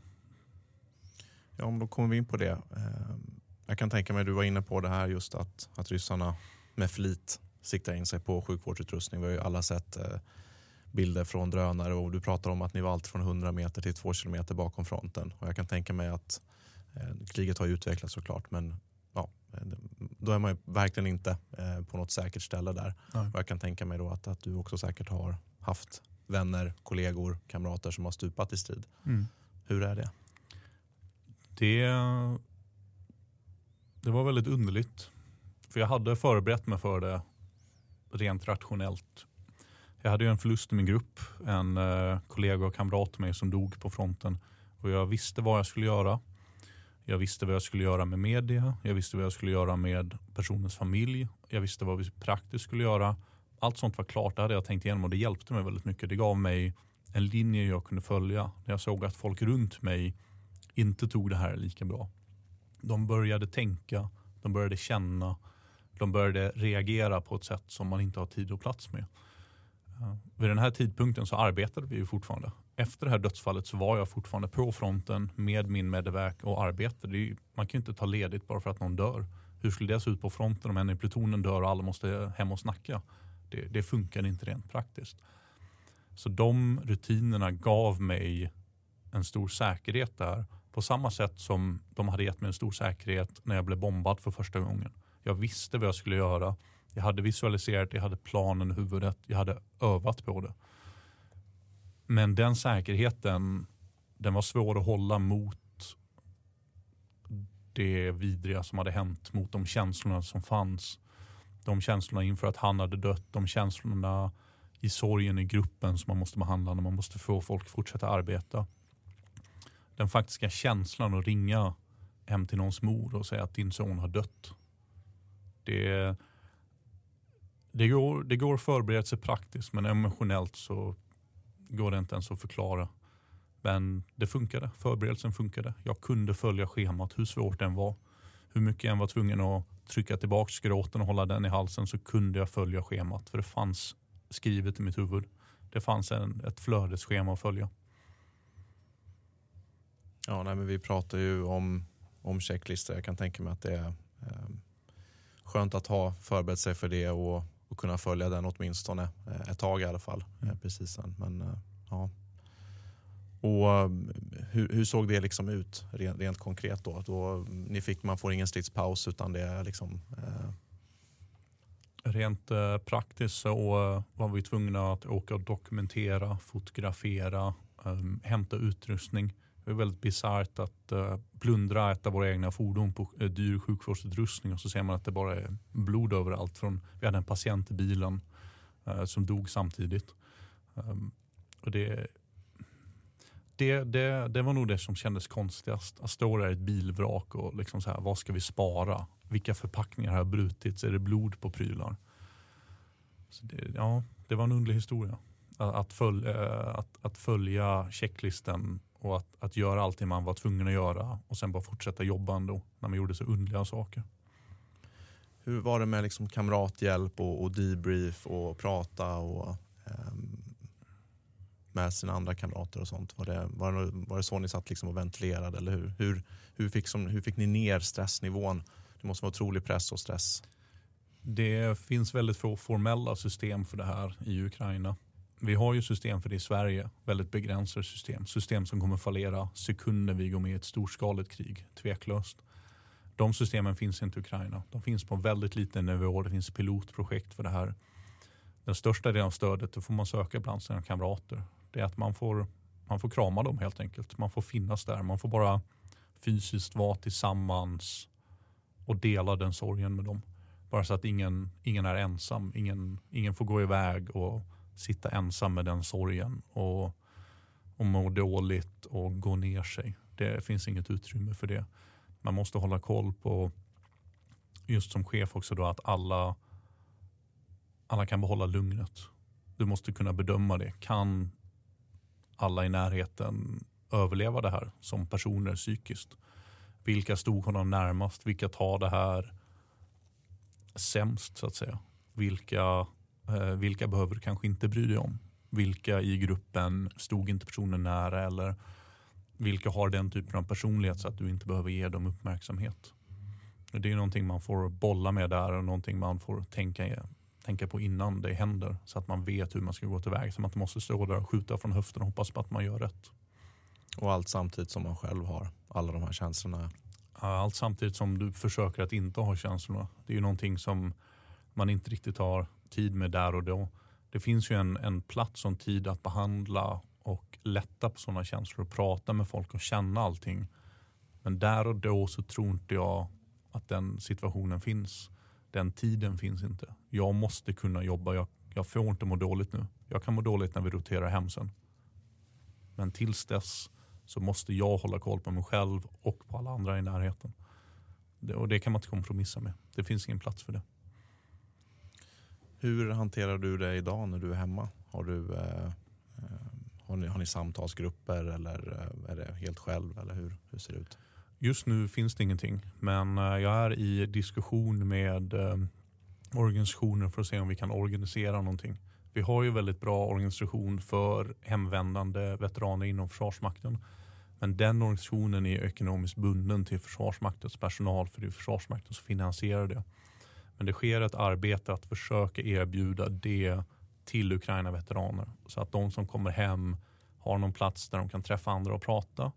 Ehm, de kan prata med någon som förstår vad de har varit med om och förhoppningsvis en plats där de kan söka sig vidare till specialiserad eh, psykisk hjälp om det behövs. Ja, och jag kan tänka mig om du eh, eller någon annan tar ett sånt här initiativ så får vi hjälpas åt att samla ihop pengar till det. Jag tror inte att det ska behöva vara något, något problem. Nej, men jag kan tänka mig att det, det måste vara viktigt att, att, att få prata om det. Man pratade om i slutet av andra världskriget, då hade man ju x antal veckor på ett trupptransportfartyg innan man kom hem så att säga. Man hade chans att, mm. att decompressa och här sätter man sig ganska snabbt kan jag tänka mig på, mm. ett, på ett flyg hem och helt plötsligt står man i mitten av Stockholm med, där alla lever i ja, djupaste fred får man ju ändå säga. Mm. Det, det, är en väldigt underlig känsla att komma hem till, till lugnet. Men det, den, den bisarra upplevelsen finns även i Ukraina. För att ukrainarna kämpar ju väldigt, väldigt hårt med att försöka behålla någon sorts normalitet i sina liv. Att kunna leva sina liv så vanligt som de kan. Och det är ju väldigt viktigt för folk där. Det är även viktigt för de som roterar från fronten att jag kan gå på McDonalds, jag kan äta gott, jag kan gå i parken, jag kan gå på bio. Det, det tror jag ger nationen en, en uthållighet som annars inte hade funnits om alla hade levt kriget varje sekund i sitt liv. Och en av de mest bisarra situationer jag varit med om det var motoffensiven ut från Charkiv. Då när jag var med 92 pansarbrigaden som jag nämnde innan. Då tryckte vi ut från staden och var hela tiden ganska nära Charkiv som är en av de största städerna i Ukraina. Och vi levererade ofta till förbandsplatsen och sen ofta från förbandsplatsen in till sjukhus också efter stabiliserande åtgärder och då levererade vi till stadssjukhus, släppte av dem där. Och en gång så hade vi hört ett rykte om att det fanns ett ställe med food trucks. Det fanns en liten, eh, liten eh, park som låg vid floden där man kunde köpa riktigt god mat. Då hade vi ätit snabbnudlar och lunchkött ungefär två veckor i sträck varje dag. Så åt jag nudlar tre gånger om dagen. Så tog jag en så här burk med lunchkött och löste det i nudelvattnet. Vi var ganska trötta på det. Det var all mat vi hade. Plus några ryska rations, men de var ju värre. Mm. Så då tänkte vi nu ska vi, nu ska vi passa på. Vi hör med eh, de där hemma. Striderna avslutade. Alla sårade omhändertagna. Jättebra. Då kan vi ta lite ledig tid här. Vi åker förbi eh, en mataffär, köper med oss gottis till allihopa, alla där hemma som inte hade tiden att komma hit. Vi åker till foodtrucksen och så köper vi korvar och kebab till alla, tar med det tillbaka till fronten. Vi har haft en ganska svår skada då. Det var en, eh, en, eh, ett sidsfordon, ett sovjetiskt stridsfordon i ukrainsk tjänst som hade blivit träffad av vad vi tror är pansar, äh, pansarbrytande ammunition från, äh, vad heter det, från stridsvagn. Pansaret hade fläkts upp och samtliga besättningar hade blivit skadade av splitter inifrån vagnen. Då. Och vår patient hade ett väldigt stort öppet sår i låret med en väldigt komplex blödningsbild. Och, ehm, ja, det var ganska osäkert i början om man skulle överleva eller inte med eh, flera misslyckade tourniqueter och så. Så vi hade haft en ganska tuff patient med mycket att göra, hög risk för att han skulle dö. Han överlevde och klarade sig. Då sitter jag där bak i eh, ambulansen på väg från sjukhuset till den här lilla parken och försöker putsa av sängen och rengöra allting så att vi är redo för nästa patient med wet wipes och så. Så hör man från fronten, vi är här, vi är här, hoppa ut. Jag sliter upp dörren. Det är en jättefin sommardag. Jag står där med en blodig uniform, blodig sittutrustning, blod överallt, det rinner blod på golvet. Kalashnikoven på bröstet och jag tittar ut och ser en flod och så står det en kille och stand-up paddleboardar i floden. och lever sitt bästa liv. Liksom. Man hör explosionerna från fronten i fjärran. Han står bara där och, och njuter av att det är sommar och skiter fullständigt i det. Jag tittar mig omkring, det står fem, sex food trucks. Det ser ut som någon liten matfestival nästan. Det är en liten park där alla tjejerna är ute med sina små leksakshundar och rastar dem. Och alla sitter ner och njuter av en glass eller en shawarma eller någonting. Men den bilden när jag tittar ut och det första jag ser är killen på stand-up paddleboarden. Det är någonting jag aldrig kommer glömma, den, den kontrasten. 30-40 minuter bort så var fronten. Där hade jag dragit ur en kille från, från en pickup liksom och slängt in honom i ambulansen. Det hade varit blod överallt och det sprängs. Attackhelikoptrar som kör fram och tillbaka. Och här står någon och stand-up paddleboardar. Men jag, jag förstår honom. Det är det man måste göra. Man måste försöka leva i normaliteten. Så som tur är hade man redan upplevt det lite innan man kom till Sverige. Den här rotationen tillbaka. Samma sak när man roterar tillbaka till Kiev. I början av Kievs, eh, kriget så var Kiev en väldigt död stad. Det var checkpoints överallt, det var ingen ute. Men just efter tredje rotationen i Charkiv när de kom hem så helt plötsligt så var folk utanför en bar och drack öl. Tog det lugnt, levde ett vanligt liv. Och där, där kunde man slappna av på ett sätt som man inte hade kunnat göra annars. Jag tror det betyder väldigt mycket för soldaterna som kommer hem att få uppleva ett normalt liv. Har du tre, fyra dagar, en vecka ledigt, då är det det du måste känna. Du kan inte sitta i, ett, eh, i en källare och vara rädd för bomber. Och du kan liksom inte gå in i butiker där du bara får vara i fem minuter och köpa och gå därifrån. Utan du måste sätta dig ner och ta en öl och ta det lite lugnt helt enkelt. Ja, jag kan bara tänka mig att det är en bizarr känsla just att slita upp den här dörren. Väldigt. Hur var stridstempot? Stridstempot har ändrat sig väldigt mycket under kriget och beror också väldigt mycket på vilken typ av enhet du, eh, du tjänstgör med. Ska vi börja förklara för lyssnarna? Alla kanske inte har koll på alla våra möpiga begrepp här. Men vad, vad är stridstempo? Hur skulle du beskriva det? Det är ju hur hårt och hur snabbt man strider och hur fronten rör sig och ja, tempot helt enkelt. Fram och tillbaka. Och det, det finns en väldigt stor skillnad i Ukraina på kvaliteten på olika ukrainska enheter och även på den ryska sidan. Det finns frivilligarmén som eh, kan vara bra eller dålig. Det finns territorialförsvaret som ofta är äldre män eh, eller väldigt unga män. Folk som är, kanske inte riktigt kan gå med i reguljära armén på grund av olika sjukdomar eller eh, bara att de är gamla eller tjocka eller något sånt. Sen finns det den mobiliserade armén, steppet, äh, snäppet upp. Det är folk som har gjort värnplikten någon gång för länge sedan. Det kan vara tillbaka på 90-talet om man har otur.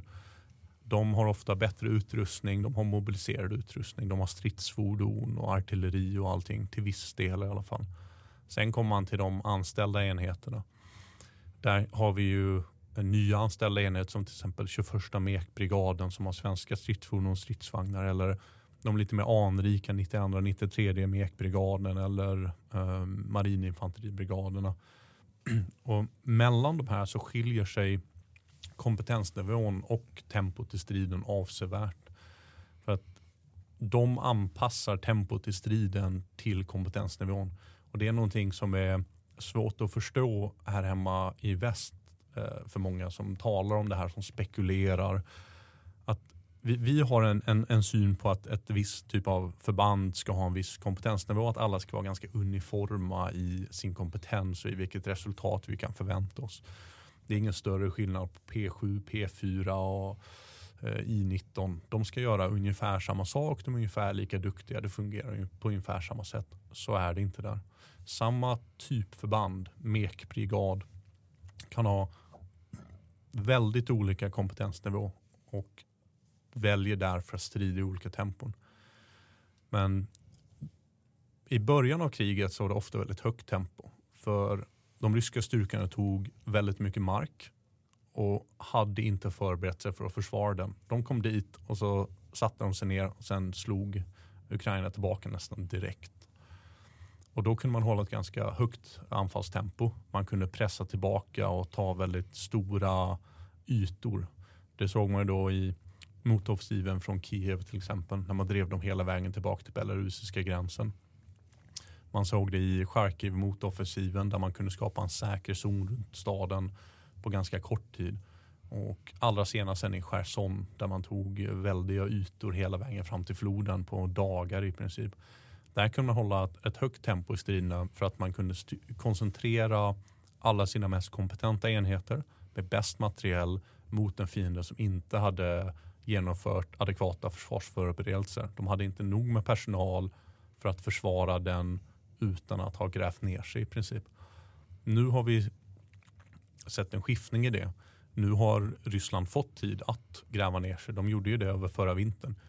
Och just när det är lersäsong i Ukraina så kan man knappt anfalla. Först tyckte jag att de överdrev lite när de pausade så fort det började regna. Men efter att ha spenderat lersäsongen där så förstår jag dem fullständigt. Den leran den är någonting alldeles speciellt. Den leran har vi inte i Sverige. Den är, den är seg, den sätts överallt. Du kan köra fast med, med stridsfordon 90 utan problem ute på en lerig åker. Du kan knappt gå över den åkern utan att fastna. Så då, då fick Ryssland tid att gräva ner sig, tid att välja vart striden eh, skulle stå, var i linjerna. Och då har Ukraina fått dra ner på anfallstempot eh, väldigt mycket. Så nu kör man mer den, den gamla sovjetiska och ryska eh, doktrinen. Om man eh, inte har studerat på Försvarshögskolan så kan man summera det lite som att den västerländska mer tyska stilen, där ska man anfalla lite överallt och sen är det någon som råkar vinna någonstans och där satsar man hela sin reserv och så bryter man igenom, man utvecklar det jättesnabbt och man vinner genom att man är smart och duktig och jättebra på sitt jobb och man gör någonting oväntat. Manöverkrigföring kan vi väl kalla det. Precis, Mm. manöverkrigsföring och det är manövern man vill komma till. Den gamla sovjetiska och ryska modellen är mer, eh, mer beräknad. De väljer vart de ska bryta igenom. Sen ger de nog med resurser för att kunna bryta igenom och sen trycker de tills de bryter igenom. Och den förlitar sig inte på att man kanske är personligen duktigare än sin motståndare som den svenska modellen. Där hoppas vi att min kulsprutskytt i min grupp vinner över fiendens kulsprutskytt. Då vinner min grupp mot deras grupp. Då vinner min pluton mot deras pluton. Och så får det bli som en dominoeffekt. Till slut så vinner min bataljon, min brigad. Eh, som är resultat av att den här enda kulsprutskytten på lägsta nivån var så jävla duktig. Där fokuserar de istället på att ha fler vapen. Mer, eh, mer saker som exploderar, mer pipor, mer eldrör. Du ska överväldiga motståndaren. Det ska inte vara förhängt på att någon är duktig. Det ska vara förhängt på att du har mer resurser. Det är en mer matematisk typ av krigsföring. Och det är någonting som Ukraina fått börja tillämpa mer och mer också. För att det, det finns inte möjlighet att, att bedriva manöverkrigsföring. Det finns inte en, en stor skillnad i kompetenser. Ukraina är inte duktiga nog att riskera allting på det sättet mot Ryssland. De kan inte slänga alla sina kvalificerade mekbrigader in i striden. Hoppas på att man når på djupet och kan bryta linjen. För vad händer om man inte gör det? Då blåser man kanske två pansarbataljoner eh, som är nästan till inte gjorda. Så de har fått rulla tillbaka ambitionsnivån och anpassa sig efter det. Det har de gjort på ett väldigt bra sätt i offensiven i Zaporizjzja nu. Men på ett sätt som eh, sagt förvirrar väldigt många västerländska militärarbetare som tycker att de gör ju fel. De borde slå på djupet. Men för att slå på djupet på det sättet så behöver man en viss eldöverlägsenhet. Man behöver en eh, viss typ av ledarskap. Man måste vara väldigt duktig på det man gör. Försöker man sig på den typen av stridsföring utan att veta vad man gör, då kommer alla bara dö. Det kommer inte funka. Hur är de ukrainska soldaterna och ledarskapet? Det där är en väldigt bred fråga. Det beror väldigt mycket på vilken typ av enhet vi pratar om innan. Eh, Det finns ju sagt allt ifrån frivilliga um, territorialförsvaret hela vägen till västländskt utbildade specialförband och allting däremellan. Så det är väldigt svårt att generalisera. Men i stort så är de otroligt välmotiverade. Även på, om de är det på ett lite fatalistiskt sätt som kan vara svårt för oss att förstå i väst. Vad innebär det? I väst så tänker vi oss ofta att man ska vara optimistisk. Man ska se framför sig en vinst och att man överlever i vinsten. Då, då har man liksom en stridsvilja, då är man eh, vid, vid gott humör. Väldigt många ukrainska soldater de ser en vinst framför sig men vinsten kanske inte nödvändigtvis inkluderar att de överlever. Det är mer galghumor då på något sätt. Mm. Om det ens kommer till humorn. Nej, okay. Och det, det är någonting som kan vara svårt för många västlänningar att förstå att de här två tankarna kan simultant finnas. Mm. Jag vägrar ge upp och jag tror att jag kommer dö. För oss så är det ett motsatt förhållande. Vi förväntar oss att god moral ska vara att man förväntar sig en vinst och att överleva och att allting ska gå bra. Där kan man förvänta sig en vinst men att allting ska gå personligen dåligt samtidigt. Den eh, kanske värsta disciplinen jag har sett på fronten bland ukrainska enheter det var en enhet som jag nämnde innan, territorialförsvaret med 80% förluster över två månader. När jag kom tillbaka dit så hade de lidit otroligt. Det var en territorialförsvarsenhet. De hade låg utbildningsnivå, låg tillgång på utrustning, låg kvalitet överlag på soldaterna. Det var hemvärnet i princip. Och de blev utsatta för reguljära ryska styrkors pansaranfall gång på gång på gång och förlorade otroliga mängder. Sagt 80 döda och skadade på två månader. Jag kom tillbaka och började utbilda deras nya soldater. De hade ett otroligt utbildningsbehov. Jag var soldater på fronten som hade fått eh, tre dagars utbildning innan de var på fronten. All right. Det är verkligen, det, här är en tourniquet. Mm. Jag hoppas du får den. Mm. Youtube och du tittar på den. Det här är ett vapen. Här är knappen. Skjut tio skott på tavlan. Okej, du är inte en fara för dig själv. Nu åker du till fronten. Mm. Här är kängorna liksom. Om de ens fick kängor. Mm. Det var en otrolig desperation. Och när jag då utbildade de nya soldaterna så fanns det en hel del soldater som hade varit kvar sedan jag var där innan. Och Många av dem mådde väldigt dåligt och hade tagit till alkoholen, vilket är olagligt såklart för en soldat där på fronten. Som självmedicinering. och Det var en otroligt otrolig dyster interaktion med dem. De kunde gå omkring och ropa att eh, vi kommer alla dö, vi kommer alla dö. Men de sa aldrig att de inte skulle vara där. Det var inga dess som deserterade? Nej. De Varför var, inte då? För de, de vet hur viktigt det här är. Det finns ingenstans att desertera till. Det här är inte ett krig för någon eh, begränsad eh, gränsregion eller för någon mindre politisk eftergift. Det här är inget som Ukraina kan gå och förhandla över. Det finns ingen, ingen mittenväg att välja. Det finns ingen kompromiss. Det som riskeras det är Ukrainas existens. Det är kulturen, språket, framtiden, självbestämmandet. De vet att de kan dö på fronten eller så kan de sakta dö hemma. Vilket är värst? Att sitta där 20 år senare, dina barn får inte prata ditt språk, de får inte läsa dina författare, de eh, svär trohet till Putin eller vem som nu kommer efter Putin. Det, det är en väldigt dyster bild de ser framför sig som jag tror stämmer om de förlorar det här kriget. Då sätts en standard. Då finns inte Ukraina så som de har tänkt sig Ukraina längre. Och det är de inte villiga att gå mot. Så de kan vara helt medvetna om att de kommer dö. Eller i alla fall gissa sig till det. Och de kan köpa det. De kan tycka att det är värt det men de kommer må väldigt dåligt över det. Så då får de den här dualiteten där de är väldigt eh, berusade, till synes har väldigt låg eh, stridsvilja, eh, väldigt desperata, väldigt ledsna. Men sen sitter de i skyttegraven nästa dag. Lite bakis, väldigt ledsna. Men de sitter där och strider. För att det finns inget alternativ. Alternativet är så mycket värre.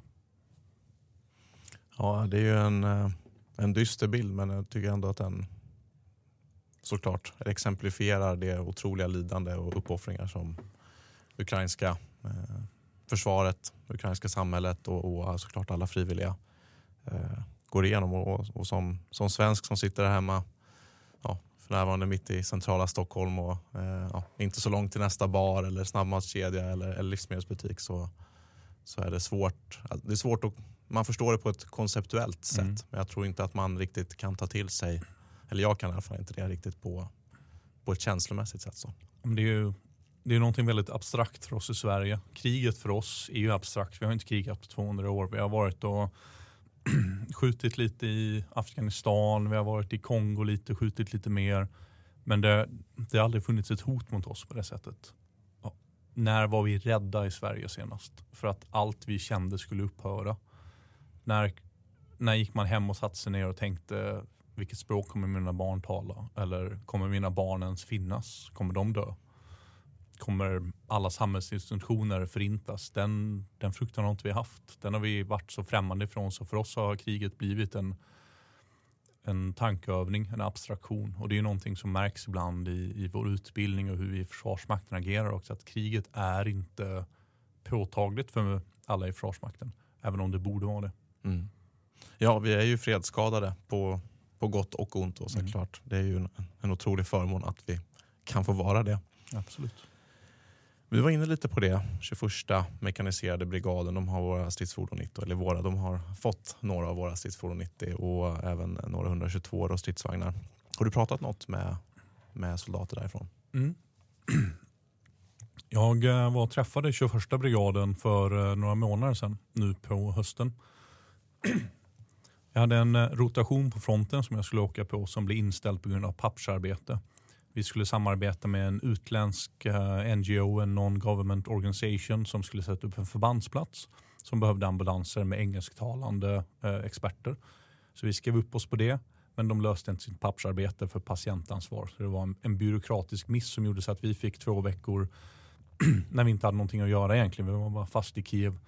Jag är inte i Ukraina för att äta burgare och dricka öl i Kiev. Så vi började leta efter andra saker att göra hörde vi av oss till en svensk hjälparbetare som heter Tilde som eh, jobbar väldigt frontnära med att leverera eh, svenska donationer till ukrainska enheter och även till eh, svenska frivilliga.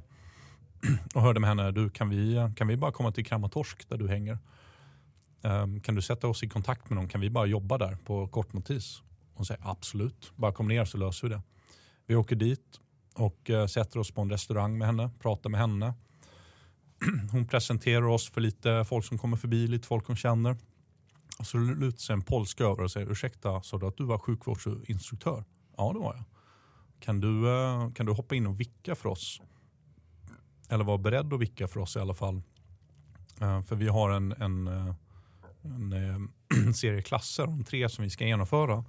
Men vår instruktör är lite osäker på om han kan lösa det. Kan du vara beredd att hoppa in? Absolut. Nästa dag hör han av sig och säger att så fort han hörde att du fanns som vick så hoppade han. Så nu har vi tre, tre lektioner. Kan du hålla i dem? Ja, ja absolut. absolut. Det, det, kan jag, det kan jag dra. Liksom. Så då får jag träffa några soldater. Jag vet, har ingen aning om vilka de tillhör. Det är bara ukrainska soldater norr om Kramatorsk. Utbildar om man hör lite kulsprutor i bakgrunden. Fronten är ganska nära. Och jag ska utbilda dem i kamrathjälp helt enkelt. Åtta timmars pass. Och de här grabbarna ska till fronten senare samma dag. Jag utbildar dem. Nästa grupp kommer. De ska till fronten och anfalla uh, samma dag. Så då måste vi vara lite lättare med dem. För de får inte, de får inte ha träningsverk efteråt. Väldigt underligt uh, att, att, behöva ta höjd för en sån sak. Hur trött kan jag göra soldaten för han kommer behöva strida inom 24 timmar. Mm. Vä väldigt underligt när vi gör det här så står det några instruktörer i närheten och hummar lite och tittar på utbildningen och så här. Eh, eh, pratar och viskar lite om sig själva för vi är på ett övningsområde med flera andra plutoner som övar runt oss. Får jag frågan sen, kan du utbilda battinstruktörerna istället, bataljonens instruktörer? Istället för soldaterna, så kan du visa dem hur du utbildas, kan de börja utbildas som dig? För de tyckte det så bra ut. Absolut. Nästa dag som jag utbildas utbildar jag bataljonens instruktörer och då står det en ny person och hummar vid sidan om. Han bedriver någon sorts herrejösses slutövning vid sidan om där folk har på sig ögonbindlar och skjuter i marken och han försöker förbereda en anfallsenhet för att anfalla. Och han står och hummar och tittar och pratar med sina kollegor och så, här, så kommer han fram. Då är det brigadinstruktörsteamet som står vid sidan om. Då. Och då får jag reda på att det är 21 brigaden som är utbildad. Det hade jag ingen aning om innan. Eh, för de har patcharna på sig de här som har varit där en stund. Alla nya har inte fått det än. Du vet, man måste förtjäna det såklart. Jag känner igen detta. Man måste förtjäna det, så är det. Um, och då fick jag istället träffa instruktörslaget och så uh, utbildade jag dem lite i ledning av direktriktad eld under anfall. Och lite så. Uh, så då hade jag ungefär en, en vecka där, där jag arbetade med 21 mekbrigaden. Och då, då fick jag frågan, av instruktörslaget. Ska vi ta med oss stridsfordon 90 när du instruerar oss? Eh, vi kan inte med oss granater och skjuta. Vi har liksom en live fire range här. Det, det, det, var en svår sak att säga nej till det. Alltså. Jag var så frestad. Men det, det passade faktiskt inte in. Det hade, hade varit lite själviskt. Mm. Ja, nej, men det, det kan jag tänka mig. Vad, hur var deras moral? För det här är väl en av dem, eh, eh i alla fall från, från, eh, från sidan, så är det väl en av de mer ja, elitförbanden eller man ska säga, som har fått de här anfallsbrigaderna som har fått västerländsk materiel. Vad är det för typ av soldater? Det är soldater med en väldigt hög standard. De är alla frivilliga. De är alla i väldigt gott fysiskt skick och de har en bra kärna av soldater med stridserfarenhet. De som jag satt och utbildade i anfall och ledning av direktriktad eld, de hade ju alla varit med om flera stormningar och skyttegravar. En av dem fick inte storma längre för han sa att han blev skjuten fyra gånger under senaste stormningen. Så nu fick inte han storma längre. Nu har han satt på avbytarbänken. Liksom. Så de tvingade honom att instruera istället. Så att eh, det, det, det, är en högmotiverad enhet. De har inte den bredden av erfarenhet som till exempel 92 eller 93 mekbrigaden har. Mekbrigaden som har funnits väldigt mycket längre tid. Eh, som har stridit aktivt sedan 2014 i princip och har kunnat sprida kunskapen. Det finns fortfarande väldigt mycket ny, färsk personal. Men alla är unga, alla är starka och alla vill det här väldigt, väldigt mycket. Ja, Spännande. Vi hoppas att det går bra för dem där nere såklart. Eh, jag tänkte växla, växla lite här. Prata, vad hade du för kit här nu mot slutet av en insats? Det är många som är intresserade av kit och, och hjälmar och platt, plattbärare och vapen och sånt. Vad hade du på dig för någonting? Oj. Det, jag har eh, gått vidare och vidare och vidare beroende på tillgängligheten och så. Jag började ju som sagt med det här eh, sovjetiska samt hemmabyggda med lite industriplåt. Sen efter det så kunde vi få tag på ett litet hopkok av utrustning. Så efter något halvår så hade jag en eh, eh nivå 3A om man känner till de amerikanska nivåerna. En typisk polisskottsäker väst som jag köpt från Danmark. Så fick jag den under min plattbärare för att jag ville ha mer täckning än vad en liten plattbärare ger. Så hade jag en eh, snigelplattbärare utanpå det som jag satte i danska plattor i också. Och det systemet körde jag i eh, kanske ett halvår tills jag verkligen kunde få tag på det jag ville ha. För jag vill alltid ha mer täckning, mer skydd. Ehm, rörlighet betyder inte så mycket för mig. Jag är sjukvårdare. Jag springer kanske 100 meter och hämtar någon person springer tillbaka. Jag kan se ut precis hur jag vill under den tiden. Utan jag vill vara säker när jag sitter still i min stridsställning, i min skyddsställning eller i min ambulans. Så efter ungefär ett år i, eh, eller lite mindre än ett år i Ukraina så kunde jag lägga en beställning till USA. Då hade jag en uh, nära vän som sen gick med mig och blev mitt närskydd. Hans föräldrar skulle komma från USA för att träffa honom innan han åkte till Ukraina. Ganska rimligt att träffa sin son innan han beger sig in i en krigszon. Och då kunde de ta med sig saker från uh, USA. Där finns ju en helt annan marknad. Mm. Det finns en, uh, en civil vilja att, att köpa mer seriös utrustning i Europa så är det väldigt svårt att hitta militär utrustning, särskilt med tanke på hur mycket som köps upp. Särskilt om man vill ha utrustning som verkligen är gjord för det konventionella kriget. Här kan man mest köpa sagt, plattbärare, cool taktisk utrustning, snabb taktisk utrustning, polisiär taktisk utrustning. Det är inte det jag vill ha. Jag vill ha en liten flärp för skrevet, en flärp för rumpan, en hög krage. Saker som inte är jätte high speed. Så då fick jag beställa um, från ett märke, jag tror det heter Velocity System som jag köpte. Något amerikanskt märke där man kunde bygga sin eget kroppshud. Så du kunde egentligen få min lilla skrevflärp som jag har velat ha. Bra täckning på hela buken, hög krage, armskydd. Och det var det jag tjänstgjorde resterande tid med. Um, plattbärare från Blast Systems, en uh, nivå 3-hjälm som jag köpte i Polen en uh, airsoft-butik som började sälja militär utrustning för att vara så många som ville köpa det och skicka det till Polen. Så det är ett, ett eh, märke som levererar till polska staten. Hade jag en eh, uniform från eh, UF Pro som jag köpte. Det är någon typ av centraleuropeiskt företag om det är slovakiskt kanske. För att ersätta den polyesteruniformen som jag fick av den ukrainska staten då. Um, hade jag på mig ett par uh, kört lite olika skodon. Det finns ju en stor diskussion i svenska försvarsmakten just nu om vilken typ av skodon man bör ha i strid. Och eh, där, när jag kom dit så hade jag ett par civila snygga läderkängor med mig för jag hade inga andra. Jag hade kört Försvarsmaktens som jag inte fick ta med mig. Men då eh, började jag med att köpa ett par eh, Salomon Speed Assault som var väldigt smidiga, väldigt lätta, väldigt sköna, lätt att ta av och på. Vilket ja. är väldigt viktigt när man sitter i ett varmt fordon. Kunna lufta lite på fötterna utan att behöva snöra upp saker. De är lite för, för smala för mina fötter. Jag har för breda fötter mm. för dem. Mm. Ja, de är lite speciella. Men det är som att ha på sig ett par uh, tofflor nästan. Mm. Otroligt bekväma. Men det var en lyx jag kunde ha just för att jag bar inte en tung uh, ryggsäck. Jag hade ingen spaningsutrustning. Jag gick inte långa sträckor. Jag satt mest still och hoppades på att jag inte skulle dö. Mm. Och, sagt, då kan man bära lite vad man vill.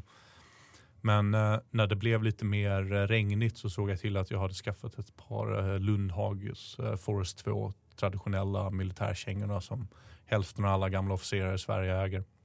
De var verkligen perfekta i skyttegravsväder och i lerighet på ett sätt som snabba, lätta kängor inte är. Och där tror jag vi måste tänka lite långsiktigt i dels våra personliga materialinköp men även i materielinköp i Försvarsmakten att det som är bekvämast är inte alltid det som funkar bäst i krig. Um, till exempel då Salomon Speed Assault är ju väldigt populära skor i Försvarsmakten och uh, även i andra västerländska försvarsmakter. Sagt, jättesnabba, jättebekväma, men de kan gå sönder ganska enkelt. De blir jätteblöta. Trampar du en pöl så är du körd. Vad gör du när du sitter i skyttegraven? Då kommer du vara blöt om foten dygnet runt. Det går inte att vattensäkra dem. De är så låga så att du kan inte bära en eh, stor spaningspackning på ett säkert sätt. Det är inte bra för fotlederna.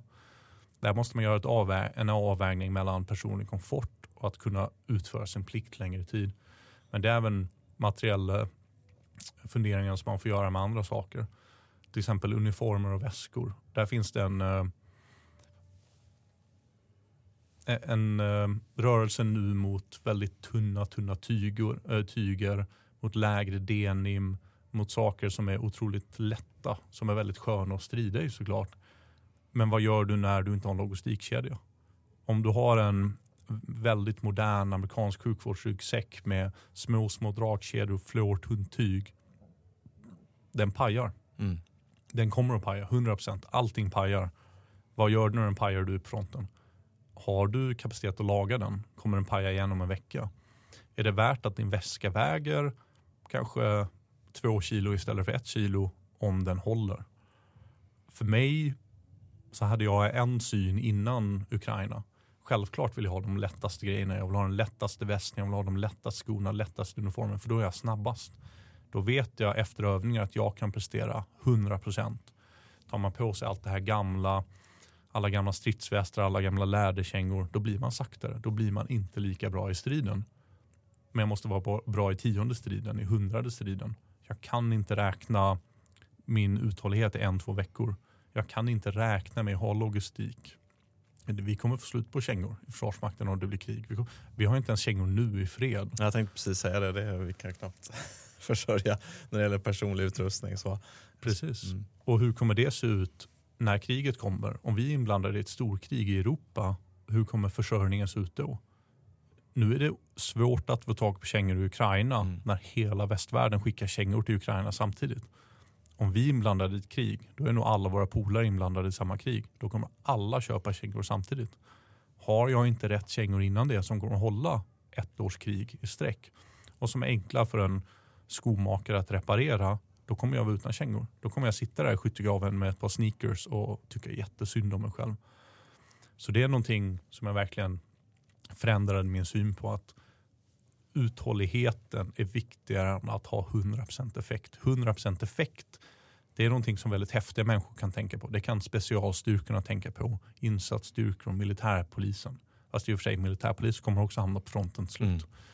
Det, där måste man tänka på ett annat sätt. Där kan man inte tänka på att skala sekunder av på kompetensprovet. Du måste tänka på vad händer år två i kriget. Håller mina kängor då? Och som du var inne på lite när det gäller sjukvård, just att man måste tänka stridsekonomi också. Eh, för även om det är bättre just nu som du säger så eh, kanske det innebär att man blir en belastning logistiskt. Mm. Då, eh, på den. Absolut. Ja, men spännande tankar och jag tror att verkligen att det här är ju någonting som, som vi måste fundera på. Och, ja, kan vi inte försörja oss själva med, med kängor och personlig utrustning i, i fred? Mm. Ja. Ett favoritämne på, som rör upp mycket känslor på Youtube-kanalen där så är ju ammunitionsvalet. Då. Nu har ju Försvarsmakten valt för åtminstone för de eh, stridande, eh, infanteri med mera, eh, 762 eh, i kaliber. Alltså en eh, återgång till en, eh, en kraftigare kaliber med ja, följden att man får 20 skottsmagasin till exempel och eh, ja, ammunitionen väger mer, det är mer rekyl och så vidare. Större vapen. Eh, var det någonting, har du några tankar med dig från, från kriget där nu när det gäller 762 mot 556? Jag har träffat en enda soldat under hela det här kriget som har velat ha 762. För man har ju tillgång till båda i både Ukraina och Ryssland. Man har de gamla Kalashnikovsen med 762R. och de nya med 545. Jag har träffat en soldat någonsin som vill ha 762. Han var en programmerare utan militär erfarenhet från Frankrike som pratade om att det var större genomslagskraft. Han hade ingen militär utbildning, ingen medicinsk utbildning. Han var den enda. Det säger en hel del. För Jag tror att det beror lite på vilken typ av strid vi ser framför oss att vi ska bedriva. Ska vi skjuta från skyttegrav till skyttegrav, då är ju pricksäkerheten det absolut viktigaste. Men var är de skyttegravarna? Hur långt borta från de skyttegravarna är, de, eh, är vi? Är man i Ukraina, då kan det vara ganska bra med ett skarpskyttevapen för att kunna skjuta mellan skyttegravarna på pricksäkert vis. Men är det så vi ser framför oss att vi vinner striden? Alla som stormar skyttegravar i Ukraina vill ha mindre kalibrar. För 556 det dödar en person precis lika bra som 762. Och ryssarna har västar som kan ta 762. Om de ens har västar. Ofta har de inte ens det. De vill skjuta mer, pricksäkrare, enklare rekylkontroll på kortare avstånd med smidigare vapen. Det är så skyttegravarna ser ut. Det är så man vinner genom att ta striden till fienden. Man vill ta striden i anfallsmålet. Vi vill inte sitta på 2, 3, 4, 500 meter och utbyta skott. Det är någonting som västerländska styrkor har gjort mycket i Afghanistan. Det är inte så man vinner ett krig. Så kan du vinna ett utnötningskrig. Men är vi redo för ett utnötningskrig? Hur många soldater kan vi mobilisera i Sverige? Vilken typ av resurser har vi för att utrusta soldater i ett utnötningskrig? Noll skulle jag säga. Som vi sa innan, vi kan ju inte ens ge anställda soldater kängor idag. Vi kan inte vinna ett utnötningskrig. Vi kan inte sitta på 500 meter och utbyta fem skott och då, då vinner den som har mest soldater. Ju närmare du kommer fienden, ju aggressivare du är, ju mer skillnad gör utbildning. Ju duktigare är du än ryssen när du strider. På avstånd så är det flest pipor, flest eldrör som vinner. I närstriden så är det den som är duktigast som vinner. Det är där vi måste vinna, anser jag som gammal infanterist. Och det är där vi kan vara bättre än Ryssland. Och där vill ingen ha 762. Ingen vill rensa en skyttegrav med 762. Det är ju dumheter. Det, ja. Mm. Ja, och det finns ju ingenting som hindrar att man har skarpskyttevapen i 762 eller prickskyttevapen i ännu högre kalibrar så att man har med sig den förmågan Absolut. att verka på sånt. Ja, nej, men alltid spännande och eh, du kommer säkert få många kommentarer om det nere i kommentarsfältet sen.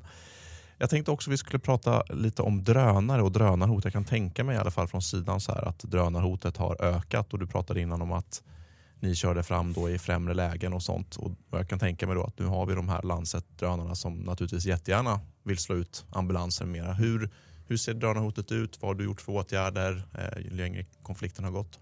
I början av konflikten så var det väldigt mycket formella, om vi ska benämna det som militära drönare um, på operationell nivå. Um, brigadspaningsdrönare som var det stora hotet som kunde eldleda. Det var det man aktade sig för. Man aktade sig för att få en styrkekoncentration värdig nog för artilleriet på brig eller divisionsnivå att skjuta på. Det var det man var rädd för. Man visste att de hade mörkerhjälpmedel och de har förmodligen termiska kameror också. Så du måste ha en väldigt hög maskeringsnivå. Men sagt, du måste inte bara undvika att bli sedd du, du, måste undvika att vara ett, ett värdigt mål. De kommer se vart ni bor. De ska bara inte se många nog tillsammans. För varje gång man eldöppnar med artilleriet så riskerar man att artilleriet blir skjutet på av kontrabatteri. Så det måste vara ett värdigt mål. Det måste undvika att vara ett värdigt mål. Ju mer kriget har gått, ju mer drönare som kommit in så har det blivit mer punktbekämpning. Det har blivit drönare som spanar för lägre nivå av artilleri. Kommer det en eh, en liten kommersiell drönare, exempelvis en Mavic Free Pro som kan ha en väldigt bra zoomnivå, kan åka väldigt högt upp. Då kan man se mål som är värdigt bataljons indirekt eld och fokusera på granatkastare motsvarande. Vi kan bara säga det, alltså en bataljon, en brigad och så här.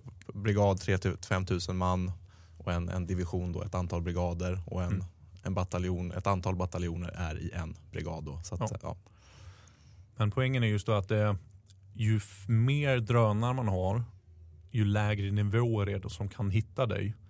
För att om en drönare som tillhör en brigad hittar dig, sagt, då måste det vara ett väldigt värdefullt mål. Om en kompanidrönare hittar dig, då kan du vara ett jättelitet mål men du är ändå värd för det kompaniet att öppna eld på. Mm. De kanske har en granatkastare eller så har bataljonen lite granatkastare. Då är det helt plötsligt värt att skjuta på ett enda fordon. Mm. Så då fick man lägga om det att nu är det inte bara viktigt att sprida ut sig och försöka maskera sig mot väldigt hög teknologisk kapacitet. Nu är det värt att dölja varenda fordon från um, den, en enkel visuell uh, kontakt, alltså en vanlig kamera. Att då var man tvungen att bli väldigt mycket mer försiktig på det sättet. För även ett enskilt fordon kan vara värt att slå ut med artilleri eller om man har otur en attackdrönare. Då. Så då trycktes vi ofta bakåt från fronten på ett sätt som vi inte hade varit innan. De här väntlägena du pratar om innan blir ännu längre bak. Precis. Hur långt precis. bak pratar vi då, då? I början av kriget kunde vi vara väldigt, väldigt nära. Då kunde man vara i princip på nolllinjen där striden står. Men de sista gångerna nu så var jag mellan två och jag tror det maxade fyra kilometer bort. Mm. När det var som allra högst drönarhot. När vi slogs mot en fiende med en väldigt hög kapacitet för drönare. Just för att rör vi oss framåt framför det med mjuka fordon så kommer vi att bekämpas. De kommer att se oss. De har konstanta ögon på oss hela tiden. Är det till och med så att de eh, försöker locka fram sjukvårdspersonal personal, sjukvårdsfordon och i sin tur bekämpa dem eller något sånt man har sett också? Eller? Absolut, Mm. det gör de regelbundet. Mm. Det gör de med alla nivåer av bekämpning egentligen. Väldigt ofta så skjuter de en salva, producerar skadade, väntar 15, 20, 30, 40, 45 minuter så skjuter de igen på samma område för att träffa dem som är där för att försöka hjälpa. Så väldigt ofta måste man vara väldigt snabb om man åker fram till en skadeplats. Eller så ställer man sig en bit bort från skadeplatsen och så måste deras kamrat som inte är sårade evakuera skadade. Man åker inte fram till en plats som har blivit träffad för den kommer beskjutas igen. Det har hänt mig också. Det var en stad som blev beskjuten av eh, tungt artilleri, 203 mm, sånt som raserar hus i princip. Och då körde vi in där eh, för att plocka upp folk och direkt när vi kom in så, så hörde man visslandet igen. Det låter precis som på film. Då börjar vissla och vi måste hoppa ner i en källare. Vi sitter fast i källaren i tre timmar. Så då skjuter de en tung salva innan. Sjukvårdarna kommer på plats. De tittar med drönarna och ser att sjukvårdarna är där. Sen börjar de skjuta. Lite slentrianmässigt, något skott här och där. Bara för att hindra sjukvården från att arbeta. Förhoppningsvis skadar de, annars skadar deras fordon. Och där fick vi också träff på fordonet när vi var nere i källaren. Ja, det, det är ett, ett vad ska man säga, ett mind game också där förstås. Alltså, när man jobbar. De här attackdrönarna, vad, hur, hur långt liksom från frontlinjen är man, eh, eller inte bara attackdrönare, artilleri också, hur långt ifrån frontlinjen börjar man liksom spana efter drönare? Hjälper det att spana efter dem? Eller hur? Absolut hjälper att spana efter drönare. Speciellt den gamla typen av eh, drönare som släpper eh, granater till exempel. De kan man väldigt ofta se, höra om de flyger lågt. Eller om man har vissa typer av spårningssystem så kan man spåra dem ifall de inte är anonymiserade och hackade och så vidare. Om man är en, eh, en enhet med bättre utrustning så kan man även spåra dem med radar och så vidare. Men eh, det har försvunnit mer och mer Eh, när de här så kallade FPV-drönarna har kommit. Attackdrönare som man styr med ett par glasögon. Man ser första person från drönaren och man kör väldigt, väldigt snabbt. En racerdrönare. Det är gamla sportdrönare som folk har kört racerbanor med innan. Som man bara sätter en liten eh, krigsspets på. Det kan vara så enkelt som att man sätter en eh, RPG 7-granat och så kolliderar man med ett fordon med den. De här drönarna är väldigt, väldigt snabba. De kan köra väldigt lågt och sen dippar de över terräng och så slår de ner. Eller så kan de vara väldigt, väldigt högt upp för sin eh, storlek. De kan ha en repeater, alltså en drönare som skickar vidare signalen så man kan styra dem från väldigt långt borta. Och så dyker de ner plötsligt. Så då hör man dem någon sekund innan de slår ner för de är så snabba. Så det är någonting som har blivit längre och längre bak och ett, en mer och mer akut hot som kräver större motåtgärder. Motåtgärder som inte är lika mogna som drönartekniken. Just nu ligger skyddet väldigt långt bakom eh, drönartekniken. Hur, hanter, hur hanterar man det mentalt, den här pressen? Att det när som helst kan vissla till och sen så har man ett par sekunder och sen smäller det. På ungefär samma sätt som man behandlar stressen över att eh, det kan hända med artilleri när som helst. Det är exakt samma sak. Helt plötsligt visslar det. Du har en till två sekunder kanske slänger i skydd, sen smäller det. Du accepterar det. Du inser vad faran är. Du tänker på vad du kan göra för att minimera risken och sen får man bara köpa det. Och får man hoppas. Tror man på Gud så får man be till honom. Gör man inte det så får man bara hoppas på turen. Man måste bara acceptera att det finns vissa saker du inte styr över. Gör du allting du kan för att garantera din egen framgång så får du släppa faktorerna som du inte har någon makt över. Du får bara ta ett djupt andetag och köpa läget. Så enkelt är det, tyvärr. Det finns inga magiska lösningar, det finns inga tekniker. Du får bara acceptera att du kanske kommer dö. Hur länge håller man i ett frontavsnitt eh, innan man behöver så att säga, en, en mental återhämtning? Det finns ju väldigt mycket forskning på det här. Och eh, I frivilligarmén så har vi väldigt tur att vi försöker följa den forskningen. Forskningen säger ju att efter ungefär fyra till sex veckor då pikar man, sen börjar det gå neråt. Och Det tycker jag att jag har sett med folk jag är ute med. Det finns alltid de som kan vara ute oändligt. Det finns alltid ett par individer som aldrig blir trötta. Men en stor majoritet av människor de behöver vila lite emellanåt. Och det kommer efter ungefär fyra, sex veckor. Där tycker jag att den forskningen jag får ta del av på Karlberg när jag studerade där, den överensstämmer väldigt bra med verkligheten. Sen anpassar sig ju tyvärr inte verkligheten efter de förhållandena. Vi i frivilligarmén, vi kunde göra så för att vi har inga krav på oss. Vi blir inte pressade till att, att vara längre än sex veckor, fyra, sex veckor på fronten om, om vi absolut inte vill. Men de reguljära enheterna de har inte den lyxen. Där har man ju tur om man skickar hem en person lite då och då. Där kan folk vara månader och månader på fronten och det, det märker man att de är trötta. De är alltid lite, lite bakom, de är alltid lite slöa i tanken. Lite sakta i starten kan man säga att de blir. Mm. Och det är den här mentala påfrestningen. Ja. Det är att de alltid måste gå omkring och vara oroliga, måste alltid gå omkring och planera. Det är alltid någonting som måste ske. Mm. Någonting man måste tänka på. Man är aldrig fri på fronten. Kommer du åka tillbaks?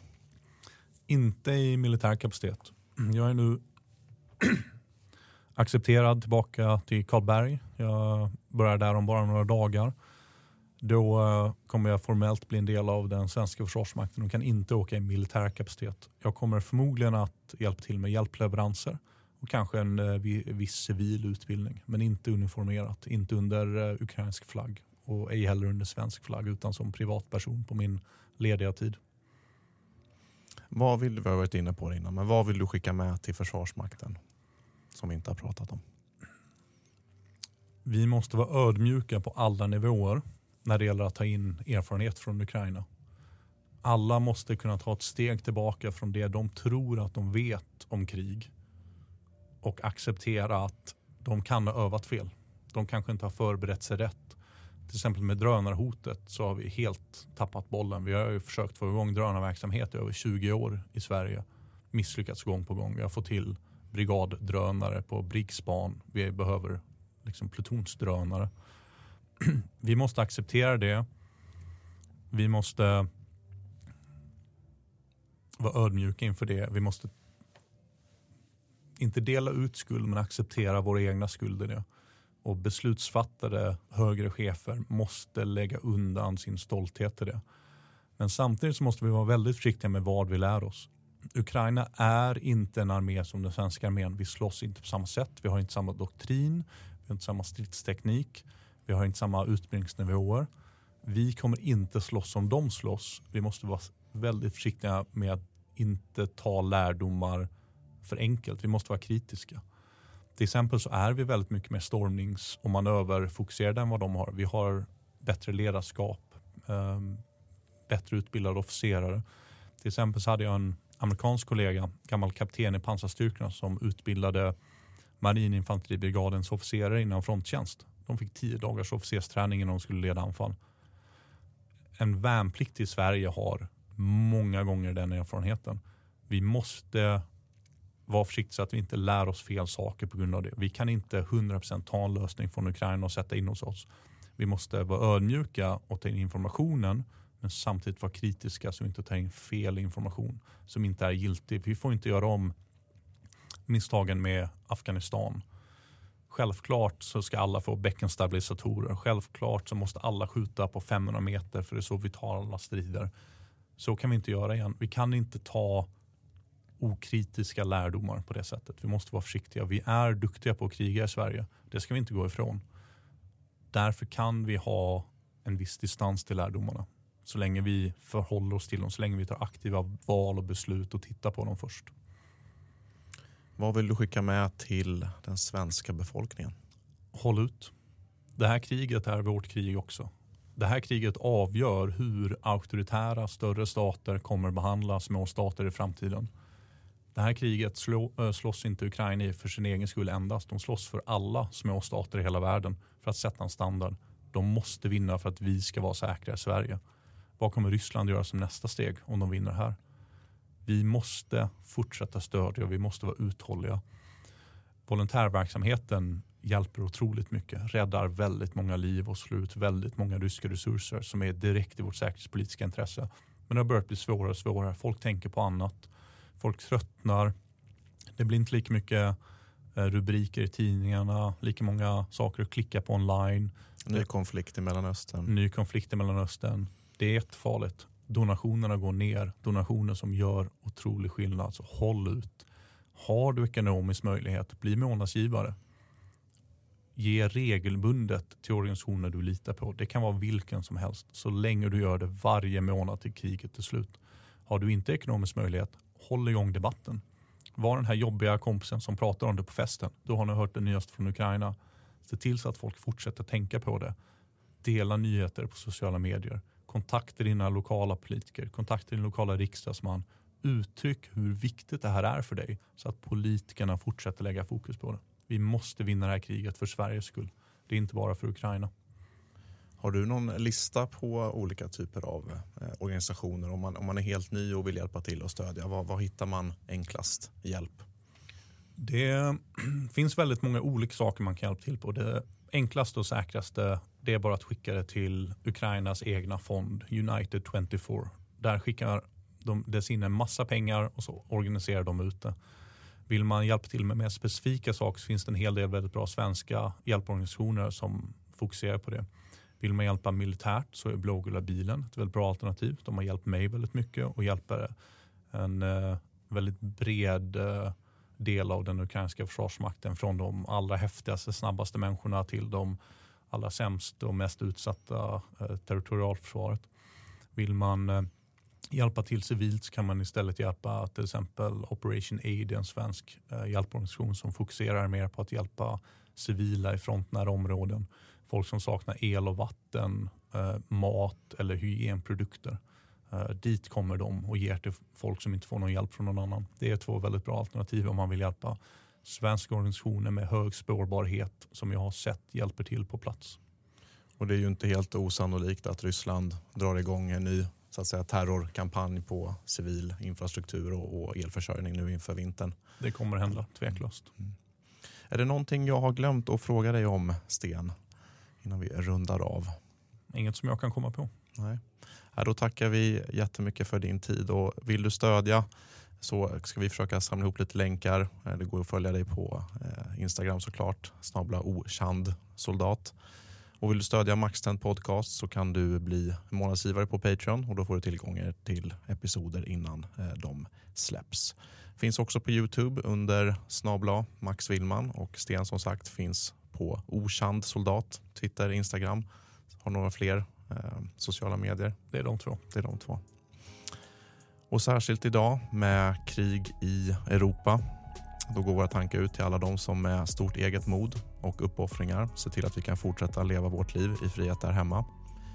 Poliser, försvarsmaktsanställda och frivilliga, all blåljuspersonal och såklart till de ukrainska soldaterna och alla de andra frivilliga såsom Sten här som kämpar för vår frihet och demokrati. Så till nästa gång, det här är Max och Sten, okänd soldat. Fly safe.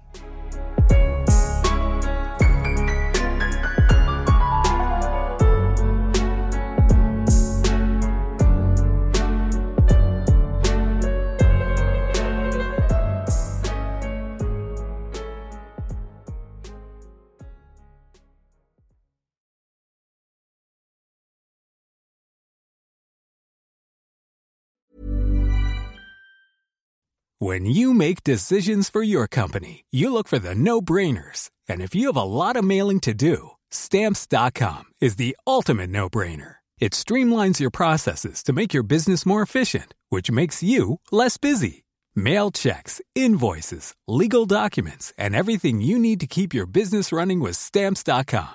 Seamlessly connect with every major marketplace and shopping cart. Schedule package pickups and see your cheapest and fastest shipping options from different carriers. With rates up to 89% off USPS and UPS rates. And with the Stamps.com mobile app, you can take care of mailing and shipping wherever you are. Make the same no-brainer decision as over 1 million other businesses with Stamps.com. Sign up with Code PROGRAM for a four-week trial, plus free postage and a free digital scale. No long-term commitments or contracts.